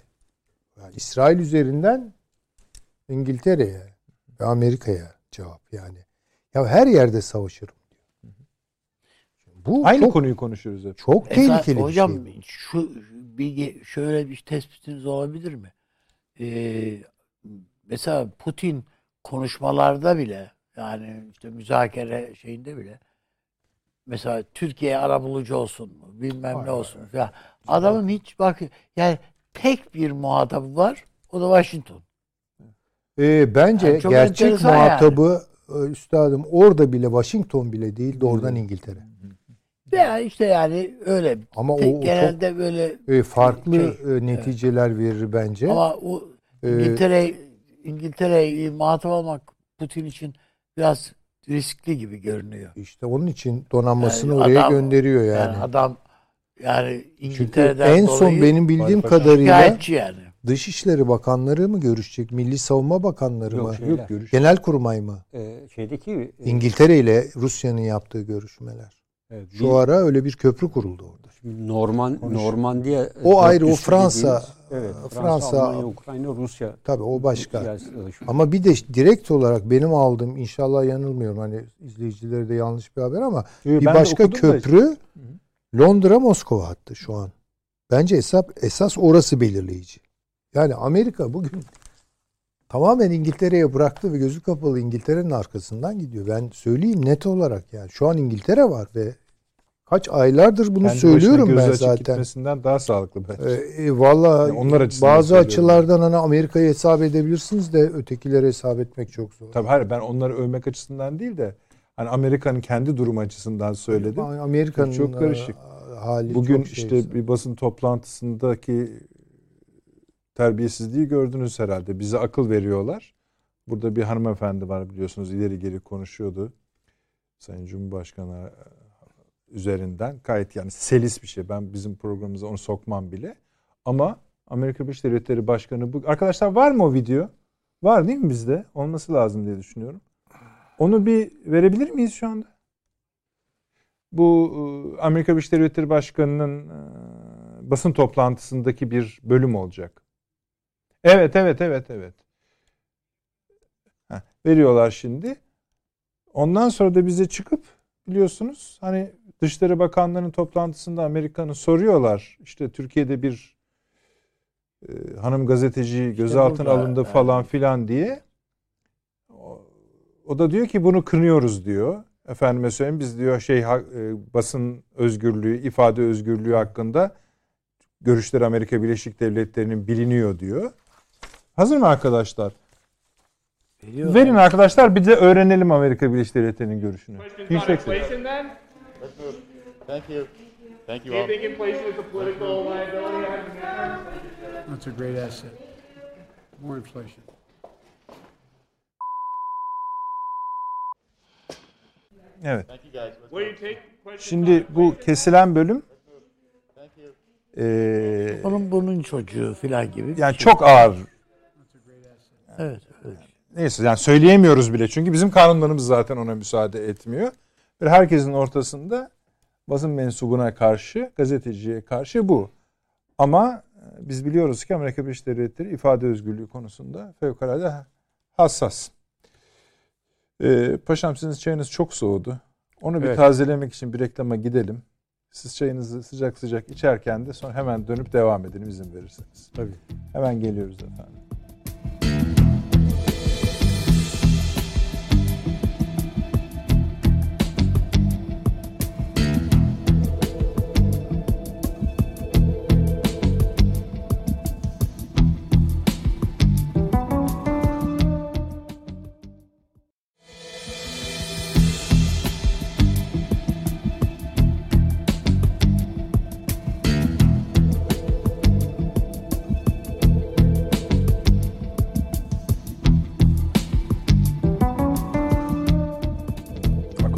Devam ediyor efendim. Başımızın çeli geldi. Hatta yarısını içti paşam. Onları da söylüyorum Evet. sıcak Evet. sıcak. E, buyurun o zaman. Yani çayın hakkını alalım sizden. Ee, Ben de e, burada özellikle e, Rusya ile Ukrayna'nın e, arasında gerginlikte e, kimin nasıl bir e, menfaati olabilir diye baktığımızda esasında bugün bizim üniversitede de e, bu konuda bir e, tartışma yapmıştık. E, Çin ile Rusya bugün yakın bir işbirliği e, varmış gibi görünse de e, bunları meşgul eden Amerika Birleşik Devletleri tehdidi veya benzeri tehditler ortadan kalktığı anda süratle e, birbirlerine döneceklerdir ki özellikle Çin dediğim gibi hep 49 yılında Mao'nun ifade ettiği gibi yeri geldiğinde Rusya'nın işgal ettiği toprakları geri alacağız demesi de bunun en önemli örneklerinden biri. Bunun dışında Ukrayna üzerinden e, Rusya ile Amerika Birleşik Devletleri arasında çıkacak olası bir savaşı en çok kim istemeyi isteyecektir? Çin. E, ve Çin böyle bir savaş halinde İngiltere ve Amerika'nın e, uzak doğu bölgesinde e, kendisine yönelik e, hareketlenmenin de bir şekilde e, ortadan kaybolacağını, asgariye ineceğini ve hatta Rusya'nın olası bir e, galibiyetiyle e, yani e, zaferiyle sonuçlanması halinde Çin'in e, tartışmalı adalar vesaire gibi yerler Tayvan dahil bütün bu bölgeleri hatta ve hatta gerekirse yani Japonya'ya yakın o Spratly adaları vasıtasıyla Japonya'ya karşı da bir üstünlük sağlayabileceğini e, burada Çin öngörüyor. E, burada İngiltere ise e, Amerika'nın Rusya ile e, değil e, Çin'le mücadeleye girmesini istiyor. E, esasında e, İngiltere hep birinci tehdit İngiltere Rusya derken de ifade ettiği konu e, buydu. Amerika'da her ne kadar geçici ulusal savunma stratejisinde öncelikli tehdit Rusya derken aslında İngiltere kadar çok baskın bir ifade kullanmadı. Oysa İngiltere'nin ulusal güvenlik stratejisinin altını incelediğimizde hep Rusya odaklı bir takım stratejilerle ve alt stratejilerle dolu olduğunu görüyoruz. E, İngiltere esasında Amerika Birleşik Devletleri'ni e, ben e, başından da ifade ediyorum. Niye bu yola başvuruyor? Çünkü İngiltere e, Fransa ve Almanya'yı çok kez yokladı. Ve e, NATO içinde e, ikili bir yapı oluşmaya başladı. Atlantikçiler ve Avrasyacılar diye. Ve Almanya'nın meşhur Ostpolitik yani Doğu politikası dediğimiz politikaya doğru hocamın da belirttiği gibi bir dönüş emarelerinin giderek arttığı bir dönemde bunun Fransa'nın da hem kapasite hem de bu konudaki e, Almanya ile birlikte ve Macron'un seçim süreci de dikkate alındığında bu iki güçten asla e, bir fayda sağlanamayacağını görüyor. Yani şu anda e, Rusya ile savaşmanın e, aslında İngiltere tarafından Rusya öncelikli bir e, sorun. Ancak bu aşama içinde olası bir Rus saldırısının e, zaferle sonuçlanması halinde bu e, İngiltere'nin bu bölgedeki olan hakimiyetin de bu e, doğrultuda e, özellikle Karadeniz bölgesinde ciddi bir şekilde zayıflatabilecektir. İngiltere şu anda esas NATO içinde ikilik dediniz ya. O ikiliği de şöyle tarif ettiniz ya. Atlantikçiler bir de Avrasyacılar. Avrasyacılar. Biz de NATO üyesiyiz. Hangi kliye bağlıyız? Avrasyacılara Peki, bağlıyız biz. Devam edelim. Evet yani biz e, o yüzden e, bir de bunun içinde farklı gruplar var. E, mesela Macaristan. E, Macaristan evet Türkiye ile ilişkileri ama Macaristan bir süredir NATO toplantılarında Ukrayna konusunun gündeme gelmesine ciddi bir şekilde engel koyuyor. Rusya ile ilişkileri en güçlü olan ülke Macaristan ve Avrupa Birliği'nde de biliyorsunuz ciddi bir şekilde özgürlükler vesaire benzeri konularda ciddi tehdit olarak algılanan Avrupa Birliği'nin e, karar aldığı e, bir ülke konumunda. İngiltere'den devam edelim. Evet. E, İngiltere e, burada mevcut statükonun bence korunmasını e, e, arzu ediyor. E, çünkü e, eğer burada bir olası bir saldırıya gidildiğinde İngiltere ile Amerika'nın yalnız başlarına kalacaklarını çok iyi değerlendiriyor. Oysa diyor ki esas esas sorun diyor İngiltere açısından da önemli e, uzak doğu diyor. İngiltere tekrar eski gücüne küresel güç konumuna dönebilmesi için bu bölgedeki Commonwealth ülkeleri ve eski sömürgelerin üzerinde özellikle Hindistan başka olmak üzere bu bölgeler üzerinde ve Orta Asya'da da Amerika'nın çekilmesiyle birlikte oluşan bu güç boşluğunu bir şekilde doldurmak istiyor. E, ve bu doldurabilmesi için de burada Rusya'nın batıya kanalize olmuşken Çin'in de olası bir şekilde Amerika Birleşik Devletleri ve İngiltere'de donanmasını göndermişti. Onlara kanalize olarak bu güç boşluğunu doldurmamalarını istiyor. Ama Kazakistan olayının e, iyi bir şekilde idare edilememesi İngiltere'nin elinde şu an için e, bu boşluğu doldurmasına engel oldu. Amerika Birleşik Devletleri niye Karadeniz'de de, dediğimizde ise genişletilmiş Karadeniz kavramı var.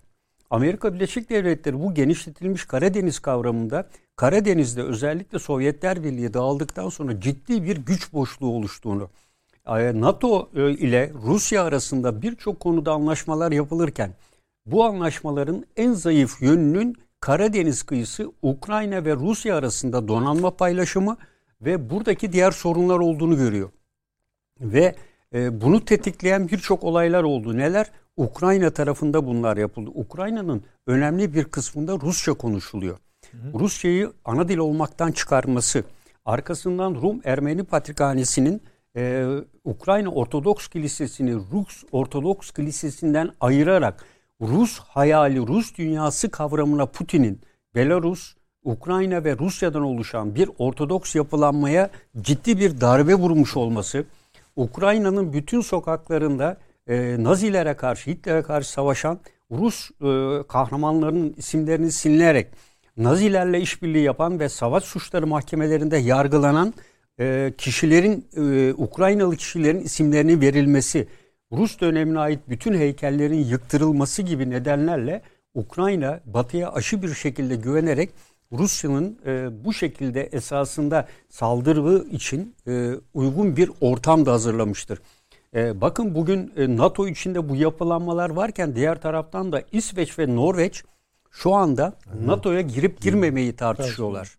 Ve İsveç e, önemli bir e, günü Baltık adasındaki Götland adasına gönderdi. Ciddi bir kuvvet gönderdi e, oraya. E, Norveç duvar ördü. Finliler. E, Finliler evet. Onlar da yani şey- evet. E, dolayısıyla e, bu öyle bir saldırı Avrupa e, Avrupa'yı baştan aşağı e, yeniden yapılana, yapılandırılmasına ve e, özellikle Avrupa'nın oluşturduğu Avrupa Birliği'nin üçlü güvenlik mimarisinin siyasi e, yapısıyla askeri yapısına, güvenlik yapısına ciddi bir zarar e, da verebilecektir.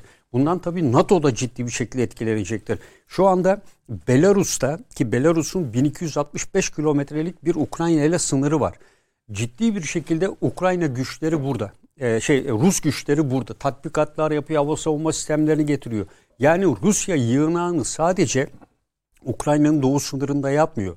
Belarus sınırında da birlikteler. Yani e, şu anda e, Ukrayna kuşatılırsa sadece doğudan değil iki taraftan e, iki taraflı ciddi bir manevreyle kuşatılacaktır. Bu ay tehdit aynı zamanda kimleredir?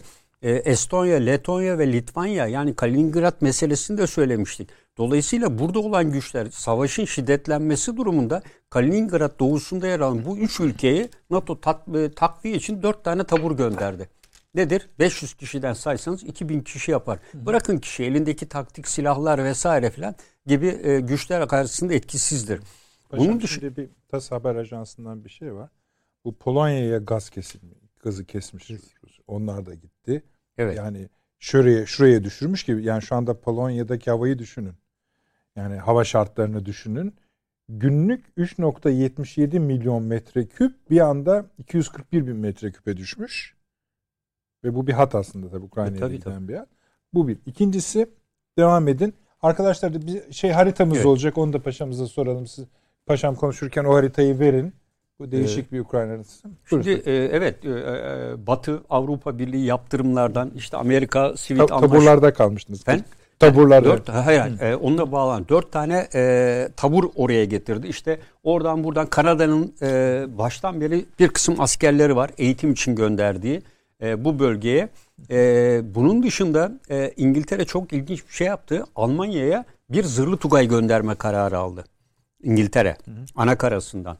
E, bu e, Almanya'yı tabii göndermiş olması NATO görevi kapsamında olduğunu düşünsek bile bunun Almanya'ya gönderilmesini niye e, Macaristan'a veya daha ileri taraflara göndermiyor da Almanya'ya gönderdiğini Almanya'yı acaba e, ordusu ve düzenli bir e, savunma sistemi olmadığı için de e, onu Almanya'yı e, bu Avrasyacılığa dönen Ostpolitik düşüncesinden caydırma amaçlı bir hamle olabilir mi gibi de e, düşünmek gerekiyor.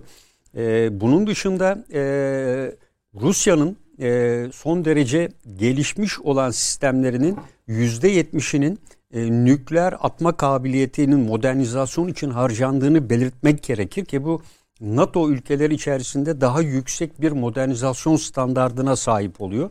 E, aynı zamanda Rusya'nın e, Kerç Boğazı e, bölgesinde ki biliyorsunuz burada bir köprü meselesi vardı ve Rusya Ukrayna gemilerinin Azak Denizi'ne girişini de engellemişti.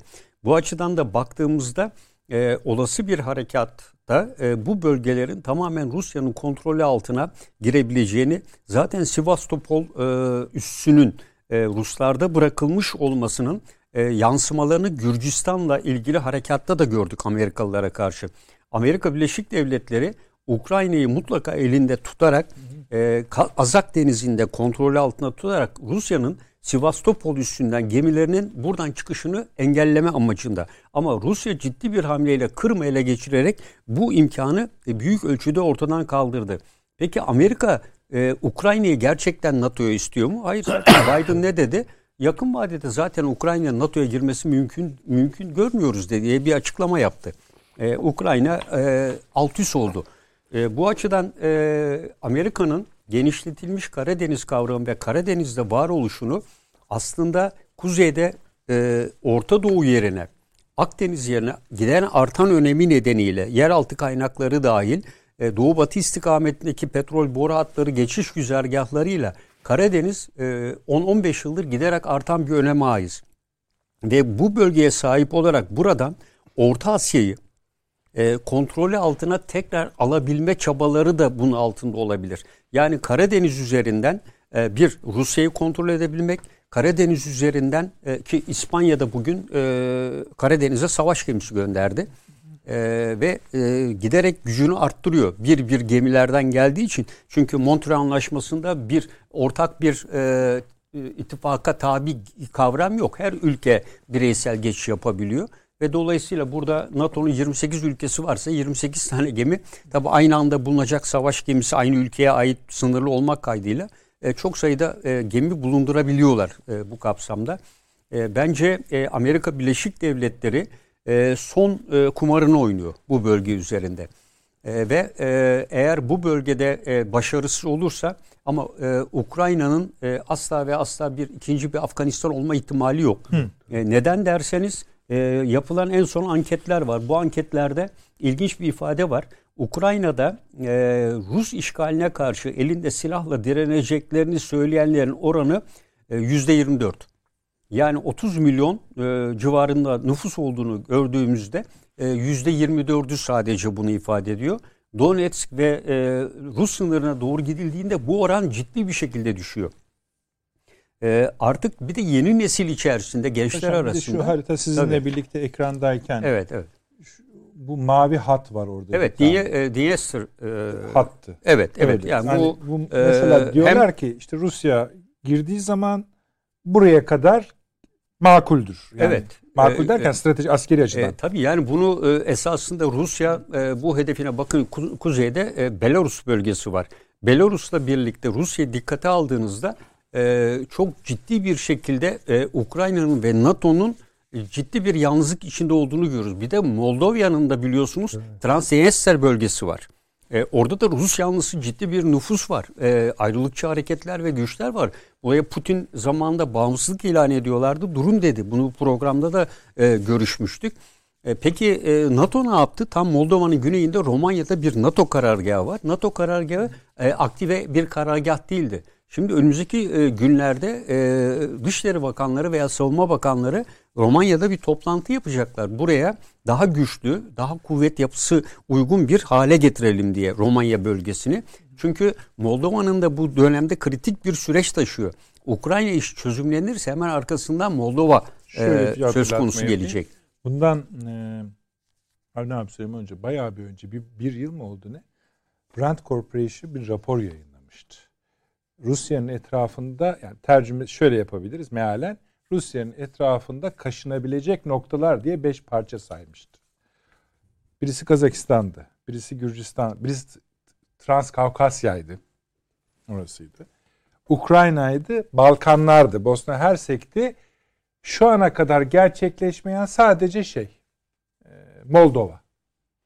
Orası da gerçekleşti. Bir Hayır yani bizim hani gündemimizi dolduracak kadar işte ne bileyim bir Kazakistan kadar olacak Ha, kadar ya da en tabii, azından Bosna Hersek'teki olaylar Oraya kadar. Kama gibi o Transdinyeper şeyini Burası da o çok problemli bir yer. Evet. Onların içinde de Romanya'ya katılmak isteyenler var. Tabii, Onun tabii alt tarafı biliyorsunuz Hı, Eflak hı. Boğdan. O Yani taraftan Macaristan var. Macaristan, Tabii, tabii. Romanya arasındaki Kestim paşam, Besarabya bölgesi vesaire de var. Ee, şimdi bütün bunların elinde, e, Rusya'nın elinde e, bu siber saldırıların dışında çok önemli bir e, imkan daha var. Şimdi bir e, ülke içerisinde e, herhangi bir saldırıda ki bunu daha evvel de konuşmuştuk. Yani bu FETÖ terör örgütü, WhatsApp vesaire gibi bir e, irtibat kurmuştu. E, Rus e, işgalinde Ukrayna arasında da e, bu tür bir e, hususta irtibat kurulabilmesi Rusya'nın siber saldırısıyla e, asla mümkün olmayacaktır. Dolayısıyla bu tür örgütlenmeler e, bir emir komuta birliği veya e, bütünleşik bir e, karşı koyma şeklinde asla gerçekleşmeyecektir. Ayrıca yapılan araştırmalar şunu gösteriyor. Örneğin e, Sırbistan'ın NATO müdahalesi konusunda e, ki NATO'nun yaptığı tehdit değerlendirmelerinde Sırbistan'a müdahale ederken e, en çok korktukları şey e, Sırp gençliğinin buradaki NATO askerlerine karşı bir gayri harp harekatı başlatacağı. Oysa hiç şey olmadı. E, bunu takip eden diğer süreçler de var. Yani burada ne Afganistan'daki mücahitler, e, Peştunlar veya onun gibi veya Çeçenler gibi e, Ukraynalılar e, Savaşçı asla ve asla savaşan savaşçı bir devlet veya e, insan topluluğu değildir. E, burada iki şey bekleniyor. Ukrayna askerleri dahil olmak üzere e, süratle geriye çekilme. E, ikincisi ise bir iç göç. E, ve dolayısıyla Rusya esasında Ukrayna'daki insanları çok iyi tanıyor. Ve e, e, bak hani biz bunları böyle konuşuyoruz, konuşuyoruz. Yani no, e, bizimki o kadar hani naif ki dışarıda yani şimdi bizimki bizimkiler yani diğer programlarda yapılanları söylemiyorum. Onlar hiç yanından geçmiyor maşallah. Diğer yani ülkelerde ne söylüyor biliyor musunuz? Hiç bu konuları ne konuşuyoruz? Eğer Rusya girerse diyor. Yani hani ezip geçecek. Yani öyle bir şey yok. evet. Öyle bir şey yok. Ne içeride direniş ne orada hani üç tane anti tank füzesi kaç tane gelmesi lazım Yani Allah şimdi aşkına. ilginç bir şey var. 5000 tane İngiltere'nin gönderdiği füzelerin e, bir tank savar füzesinin ortalama ömrü 20 yıl falan diye hesaplanıyor. E, bu füzelerin ortalama ömürlerinin dolmak üzere olduğu ifade ediyor. E, bunu biz söylemedik. Bunu İngiliz medyası açıkladı. Daha yeni dün açıkladı. evet. Gönderdikleri silahların e, silah dediği zaten tek atımlık tank savar e, mühimmatından e, oluşuyor. At, at unut yani kendisini de bırakıyorsun. Bunların hepsinin diyor son kullanma tarihleri. Bu ne demektir? Ya kısa düşecektir ya Rusların en gelişmiş bu bölgede tanklarını kullanacaklardır. Yani e, Rusya e, şu anda e, ismine şehir katili ismini verdiği e, Belgorod isimli e, tankları e, kullanacaklar. Pardon. E. Belgrad Armata. Armata. T-14. E, e, ilk 3 kişilik tanklar e, ve bu tankları e, Biliyorsunuz kullanacaklar. onlar küçük tanklar. Evet, evet. Yani e, aynı zamanda e, Belgrad isimli bir e, denizaltısı da var. E, bu da nükleer denizaltısı. Altın nükleer e, torpil taşıyabiliyor ve bunun bir etkisi daha var. E, şehirlerde, limanlarda tsunami etkisi yaratıyor. E, ilk kez yapılan bir sistem Belgrad isimli bir denizaltı ismini verdiği de bu. E, dolayısıyla S-500'ler var. E, aynı zamanda sistemi geliştirdi ve kullanabileceği e, ve 2020'de sadece 6600 adet farklı silah sistemini devreye sokmuş durumda Rusya. Yani Rusya da burada son kozunu oynuyor. Esasında hem Putin hem Biden, Biden'ın önünde seçimler, e, önümüzdeki yıl zaten büyük bir ihtimalle e, e, bir e, Trump'a karşı yenilgi söz konusu. E, Putin e, evet e, dirençli, e, orada bir muhalefetten söz etmek pek mümkün değil ama e, Putin'in de arkasında ekonomik sıkıntılar var. Yani yaptırımlardan söz etmiştik. Ama Rusya'nın elinde çok güçlü bir şey daha var. E, dünya ekonomik e, faaliyetlerinin yürütüldüğü denizaltı e, iletişim kabloları var. E, bu e, Rusya'nın dışında e, küresel iletişimin yüzde doksanı ve günde 10 trilyon dolarlık bir karşılıklı finansal akışı sağlayan denizaltı iletişim kablolarının Rusya tarafından kesilmesine yönelik olarak da Rusya yaptırımların karşılığı Sivit anlaşmalarının iptali halinde e, bütün Batı'nın e, finansal kriz altına girebileceği şekilde bir hamleye sahip. Kaldı ki şunu da söylüyorlar. İşte ondan sonra takas ekonomisine Evet. döneceğiz. Trump hani Trump. Sivipler'de bir yaptırım geldiği zaman yani Rusya'nın çok hızlı bir 10-12 ülkeyle birden yeni bir sistem kurup kuramayacağına ilişkin tartışmalar. Evet. Yani bunları daha önceden adamın hani çalıştığı söyleniyor. Neyse aslında ortaya çıkarmak istediğimiz tablo şu. Böyle bir şey olur olmaz ayrı konu. Ama Ukrayna şu anda bir savaş alanı. Evet. Yani bir gerilim alanı, çatışma alanı yani. Şöyle bir şey var. Yani bir fıkradır bu tabii de. Yani Buyurunuz. hani şey o Tabii, değil, efendim adam birisi diğerine diyor ki senin yani vücudunu delik deşik edeceğim davul yapacağım diyor. Delik deşik edeceğim davul yapacağım. Karşısındaki de biraz safça alıyor bıçağı kendi vücuduna saplamaya başlıyor. Ben de sana o davulu çaldırırsam diyor. Şimdi böyle efendim öbürüne öbürünü kontrol edeceğim diye, öbürüne zarar vereceğim diye esasında temelde kendine zarar veren bir anlayış. Ben bu Putin'in bu, bu bunların hiçbirisine itibar edeceğini düşünmüyorum. Evet, paşamın söylediği silah imkanlarının hepsi var. Hatta bu, bu, bu silahların bir kısmının Amerika'da esamesi bile yok öyle değil mi? Yok, Yani hiç yani adamların şeyinde literatüründe falan çok geride kaldı çünkü Amerika silah sistemleri. E daha konusunda. şimdi e, Rusya'nın hipersonik füzelerine karşı 2024'te devreye girecek şekilde 127 katmanlı alçak yörüngeye sistemler, yeni uydular koyma projesini İşte açıkladı. gibi Evet. gibi. evet. Şimdi Amerika'nın ka- şeyi artık an- anladı ki Amerika bu e, silah sistemlerini geliştirerek, değiştirerek filan Rusya'yla ve tabii ki Çin'le baş etmek artık bir hayli zor. Bu şekilde zor. Onun için e, bu el al şeyden e, el altından e, ulaşabileceği her ne varsa yani bu siber savaş dediğimiz şeyi küçümsememek lazım. Bu müthiş bir şey. Sizin de bu konuda şeyleriniz var, çalışmalarınız var. Yani bakıldığı vakit ha bu noktada Rusya'nın olsun, Çin'in olsun şu ana kadar kapasiteleri şu hacker dediğimiz şeyler var ya o seviyede. Bu siber saldırı öyle değil. Bu İsrail'le birlikte yapıyor Amerika bu şeyleri, projeleri. Orada çok daha etkili. Yani bir ülkeyi sıp bir anda bir düğmeye basarak bazen tamamen sıfırlayabiliyorsunuz. Yani şalteri indiriyorsunuz. İşte İran'ın nükleer tesislerine Tabii. e, biliyorsunuz Gibi. yaptı. Denemesini de yaptılar İsrail'in yaptığı Amerika ile ortak. Yani bu tür şeyler ama ben buna rağmen yani bu bu imkanlarla Amerika öbür taraftan Rusya'nın imkanları var. Ben buna rağmen Rusya'nın ve Amerika'nın bu imkanları, bu olanakları yoksa bir de elinin altında nükleer silahlar da olan işte İran'da tut Pakistan'a, İsrail'e varana kadar bir devlet de var yani. Bunların hiçbirisinin elinin düğmeye gidebileceğini düşünmüyor. Yani kimse e, bu şeyi ben yaktım bu işi. Hay bu efendim biz kazandık diye böyle ortaya çıkabilme şeyi gayet e, böyle e, kötü bir tablo. Yani o kazandık. Bu işin kazananı yok yani çünkü. Ama bu işte hocam da belirttiği gibi bu olay yıpratma savaşına dönüyor.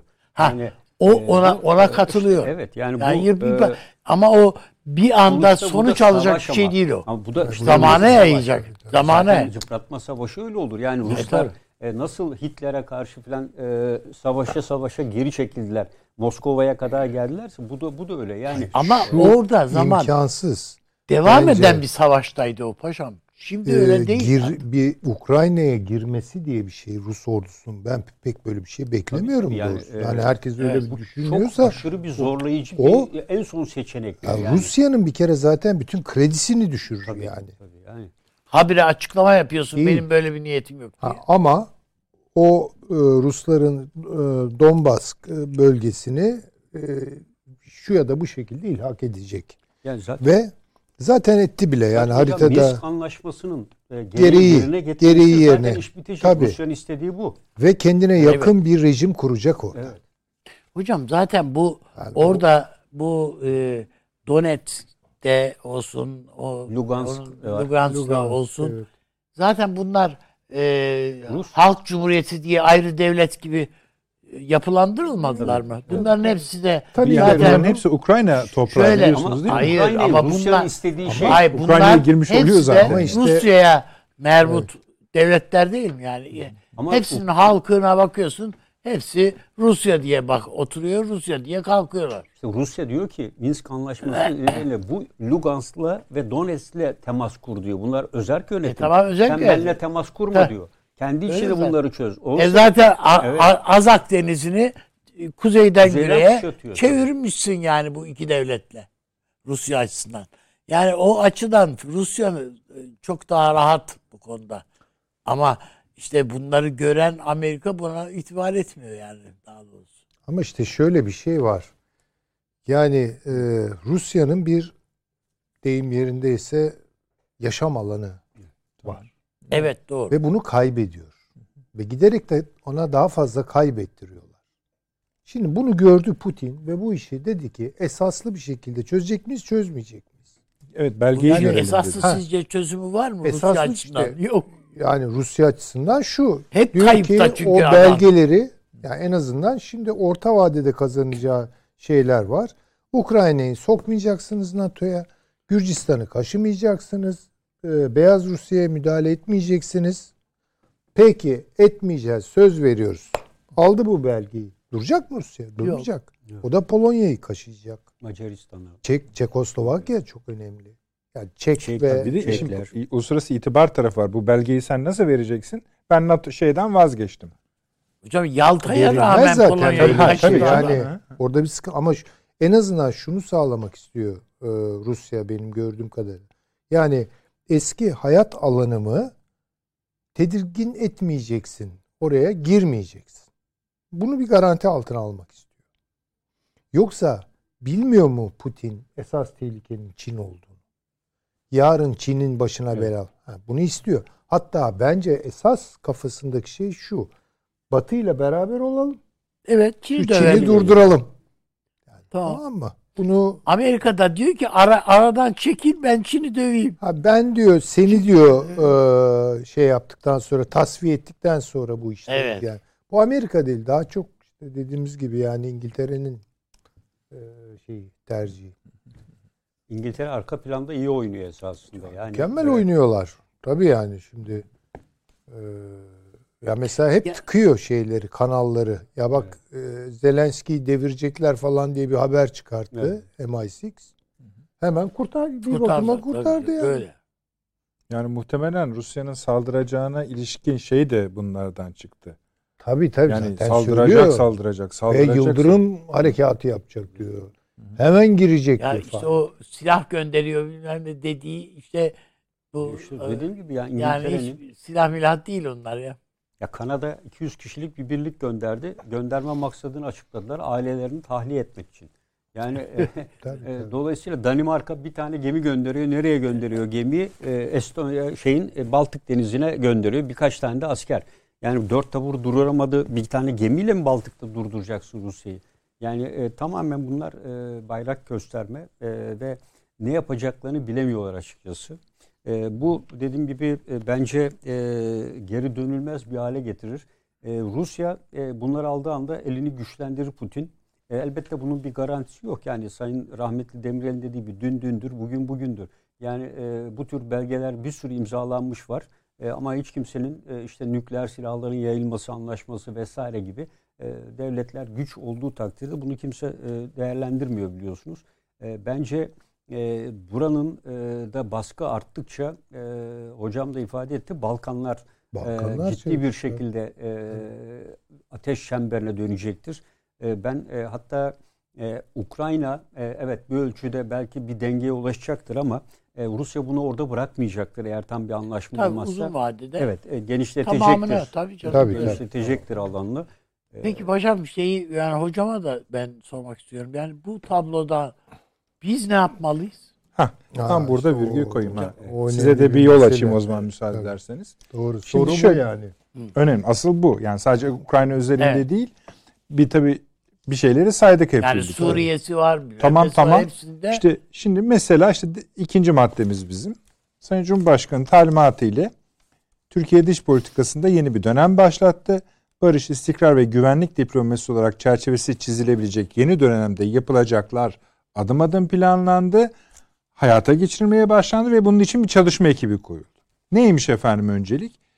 Öncelikli olarak ilişkilerin geliştirilmesi için dört hedef belirlendi. Ermenistan, İsrail, Amerika Birleşik Devletleri ve Körfez ülkeleri. Bunların bir kısmı da sayılmış. Libya'da var vesaire vesaire. Ve bu e, yani sorunsuz çember olarak mesela Hürriyet Gazetesi bunu duyurmuş. Bir şey de vardı. yani Irak, Suriye'yi falan kaydetmiyor. Şu ankiler öyle. Yani hani yok, Bulgaristan ka- ka- yok. İsrail, Libya, Mısır, Körfez ülkeleri zikrediliyor. Tabii. yani- ABD ve AB ile ilişkiler öncelikler listesinde yer almıyor deniyor. Farklı gazeteler farklı şeyler yazmışlar. Yani buradan bir şey çıkıyor belli. Bir haber var ortada ama tam olarak tarif edilmemiş. Şimdi bu tam nereye denk düşer bilmiyorum. Ama isterseniz siz başlayın. Türkiye ne yapmalı konusuna. Ben şöyle söyleyeyim yani birincisi Ukra- ben, yani şeyden çıkarak tabii. yani bu tabii halden. ki söylediğiniz ülkeler tabiatıyla saydığınız Hayır siz şeyden de yürüyebilirsiniz canım. Ukrayna'da ne yapmalıdan başlayalım. yani Ukrayna'da Türkiye hiçbir şekilde karışmamalı yani. Tabii, tabii. Hiç. Yani NATO veya işte Amerika bir, bir şekilde burnunu sokar da bir çatışma ortamı ortaya çıkarırsa Türkiye hayır biz onaylamıyoruz der yani.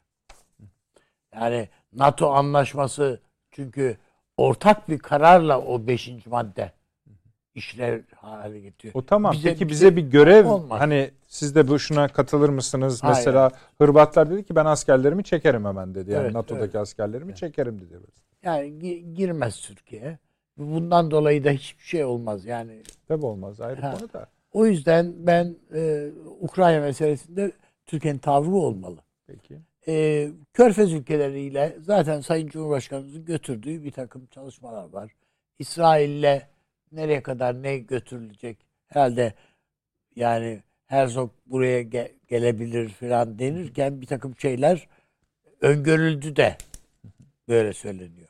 Ama bizim e, yaralı olduğumuz iki tane e, önemli toprak var. Yani bunlardan bir tanesi Irak, bir tanesi Suriye. Irak'ta diyeceğiz ki bizim evet şunu tespit edelim. Bu İçişleri Bakanlığı'nın açıklamalarıyla, İçişleri Bakanımızın açıklamalarıyla da sabit. Türkiye içinde PKK bitti. Hı hı. Çok açık yani. Evet. Yani bir takım operasyonlar işte kış bilmem neleri filan filan işte bir takım mağaralarda filan bunlar takip ediliyor filan filan ama biz bunun için senelerdir bu seviyeye gelsin diye mücadele edildiydi. Orada başarılı olundu. Ama öbür taraftan bu örgütün bu terör örgütünün yani PKK'nın Kandil yapılanması bu kökü kazınmadı. Orada duruyor hala. İran'ın müsamahasıyla mı duruyor? DAEŞ'in DAEŞ'la bir işbirliği yaptı öyle mi duruyor? Yoksa başka efendim Amerika mı bunları tekrar koltukladı filan da duruyor. Onları ta- ayrıca tartışırız. Ama dediğim gibi orada var bunlar.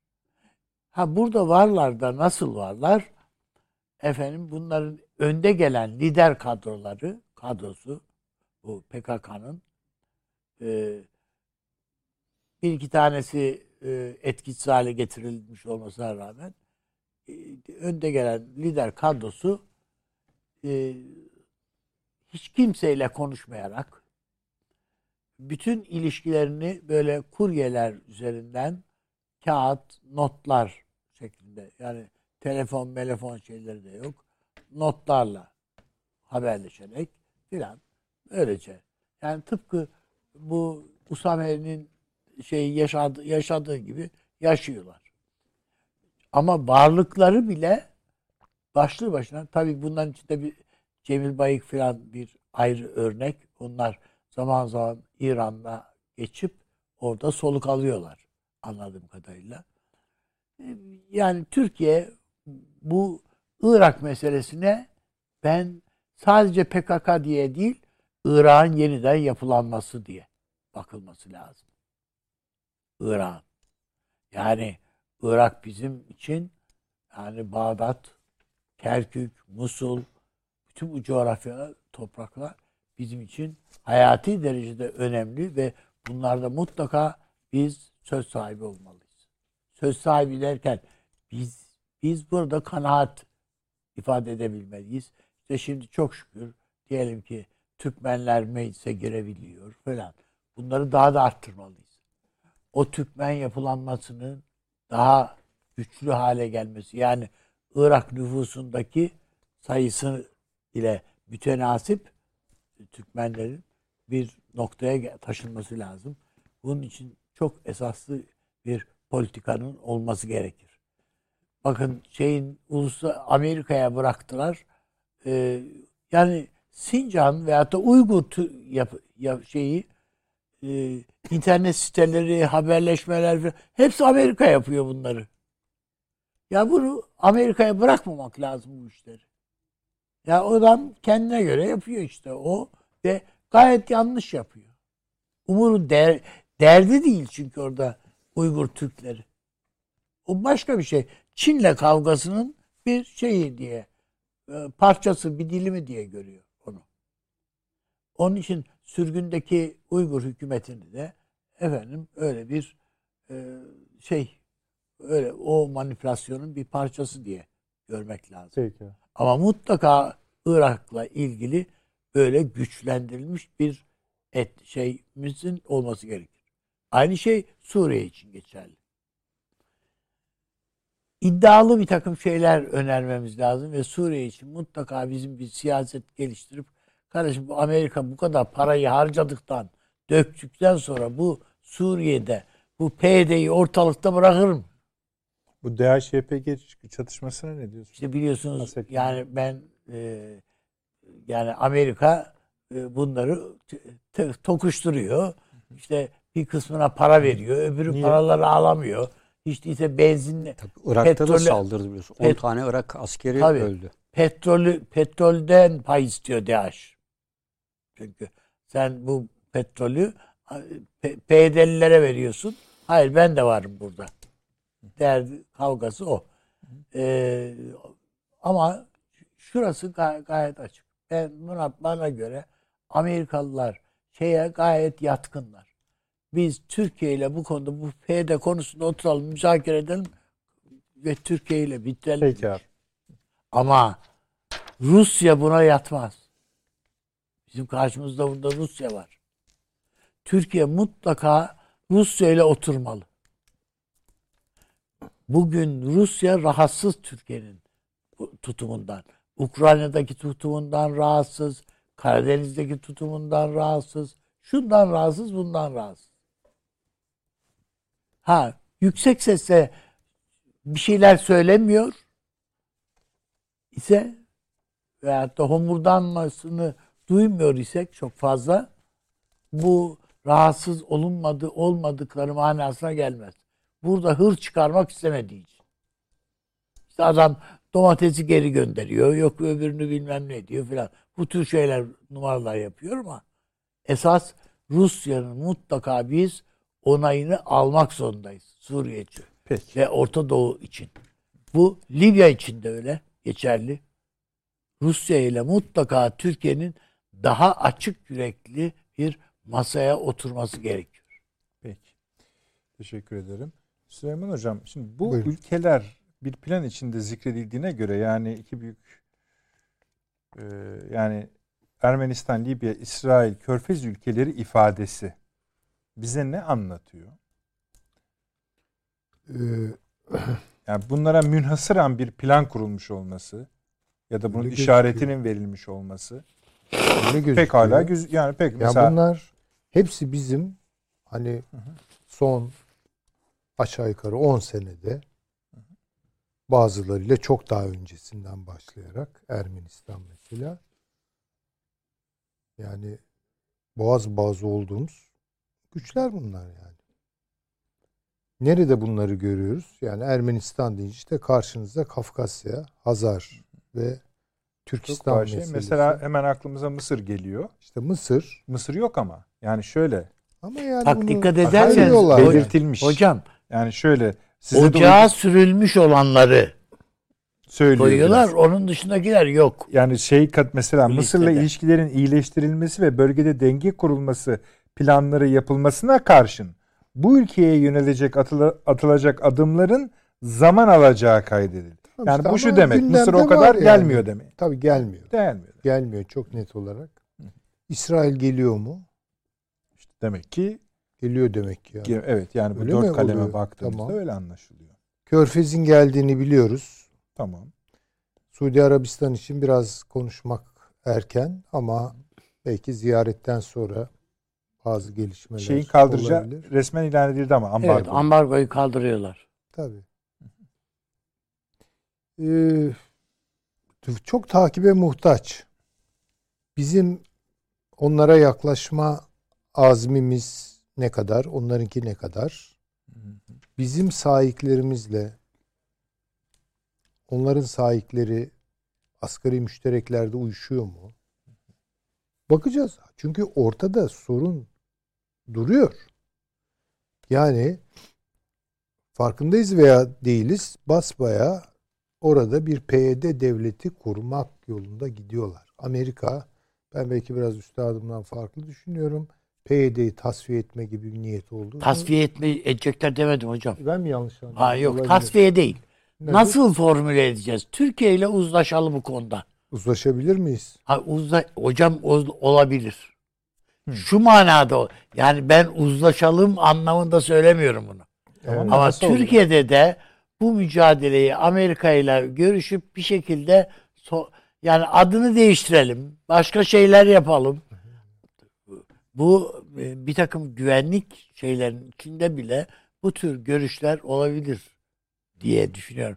Benim kendi kaygılarımı söyledim. Evet. Yoksa yani bence bu böyle bu, olmalıdır bu diye bile gö- gönlüm böyle arzu ettiği için söylemiyorum. Evet tabii tabii. Bu bile bence yeteri kadar kaygı verici. Bu bile bence yeterince kaygı verici. Yani bu bu bu Neyse, Yani sizin daha- dediğiniz daha- o parantezi yani adını değil. Neyse paşam bilir. Seyircilerimiz yani, de ötesi var. anlamıştır. Paşamın gülmesini de anlamıştır. Ama bilemem. kaygı verir Bu, bu. iş böyle- bu işler böyle biraz. Peki neyse. Ee, Süleyman Hocam. bilmiyorum nasıl tabii e, yürür bu işler ama e, dediğim gibi liste ortada. isim devlet isimleri belli. İşte atılan adımlar, yakınlaşmalar falan takip edeceğiz ama beni ilgilendiren şey şu. Türkiye Cumhuriyeti Devleti'nin Akdeniz'deki çıkarlarına e, zarar verecek bir noktadan çıkabilecek miyiz? Buna bakarım. Ama bundan daha öncelikli olarak orada kurulacak PYD devletidir. Benim meselem budur. Bunun da lamıcımı yoktur yani. O zaman kusura bakmayın böyle bir devlet kurulursa hangi isimle, hangi şartlarda olursa olsun e, önümüzdeki kuşakların Türkiye'nin güneydoğusu konusunda o kadar emin olabileceklerini zannetmiyorum. Daha da beteri olabilir. Başka şeyler de olabilir. Ya bu bizim hala kırmızı çizgimiz midir değil midir yani önce buna bir kere karar Buna vermemiz şüphe mi vardır ki? Ama şimdi tamam güzel de İsrail buraya yatırım yapıyor mu? Yapıyor. Hayır, Vakalardan söyledikleriniz vakalardan ben bir şey demiyorum onlara. Onlar doğru. Ama benim kafam hani niye bu şimdi gündeme gelsin ki? Ya da başka bir zaman gündeme gelsin. Valla işte istihbar et, diyebileceğimiz şeyler sınırlı. Yani bu devlet politikası haline üstelik ilan edilecek şekilde Şimdi geldiyse Bey ne dedi? Aslında çok tarihi bir şey. Türkiye içerideki terörü bitirdi. Bitirdi mi bitirdi. Dedi. Şimdi yani genç gençler hiç hatırlamıyor da bu hayal diyor. Yani bu konunun uzmanları askeri askerler diyorlardı ki belli bir yere gelse ona da razı. Bunlar söylendi Türkiye'de. Minimalize Evet. olmuş olur. Evet, Bitmez bu ama bitti. Öyle. Yani şimdi oradan zaten hani Asayiş olayı boyutuna gelsin. indi. De deniyordu. Şimdi sınırımızdan konuşuyoruz. Niye konuşalım? Ha, tartışmak için soruyorum yani siz Hani- şey yapmak için. Yoksa bölgedeki kaygılarınıza ilişkin şeylerde mutabık. Hani inşallah ben İşte de Avni bir şey Bey araya girince yani. böyle oluyor. Çünkü dediğim gibi devletin şöyle- e, istihbar ettiği şeylerle düşünmek başkadır. Hı hı, Bizim gibi uzaktan bakarak düşünmek hı hı. başkadır. E, izleyelim bakalım İsrail'i nerelerde geri, adım atacak? Nerelerde gelecek yanımıza? Bakalım görelim yani. İşte bu şimdi güzel bir ifade aslında Avni Bey'in. Bunlar biraz daha pişmiş gözüküyor. Yani işte onun Ha. tabii ben bilemiyorum ya. Hakikaten E şimdi bilemiyorum. listedekiler yani. onlar. Yani Tabii, tabii. pişmiş değil. Şimdi Ocağa sürülmüş Hani şeyler. Daha pişiyor. henüz pişmedi. tamam Herzog bir de gelsin buraya. var. Güzel. Evet. Bence medenidir. Elçiliklerin karşılıklı açılması. Bunlar medeni gelişme. Ne oldu e, şey politika e, bizim Filistinler hakkındaki yürüttüğümüz politika mesela? Bir şey olmaz. Bir şey yaparsa İsrail tekrar reaksiyon gösterirsiniz yani. Ama Öyle şimdi mi? bu zemini açtığımıza göre demek ki bir geri adım Başka var şey onlarda. Yani öyle düşünüyorum Onlar ben. geri adım atmaz herhalde paşam da şöyle olur. Atmazsa nasıl olur Atmadılar yani? zaten. Hay hay yani şöyle. Netanyahu'nun politikasından hiçbir farkı yok. Bakın anda. hatırlatayım. Evet, Bundan evet. 15 gün önce kadar Sayın Cumhurbaşkanımız da demişti. Bu Filistin meselesine biraz dikkat ederlerse demişti. Ederlerse böyle gelir. Evet. Tamam yani Tamam. peki bu bir çağrı yani öyle Çağrı, görelim. çağrıdan çok artık hani duyuyor musun kardeş gibi bir şey oldu. İnşallah sahada bunun belirtilerini görürüz ve çok mutlu oluruz. Yani öyle İnşallah. diyeceğim. Yo, anlıyorum ben sizi.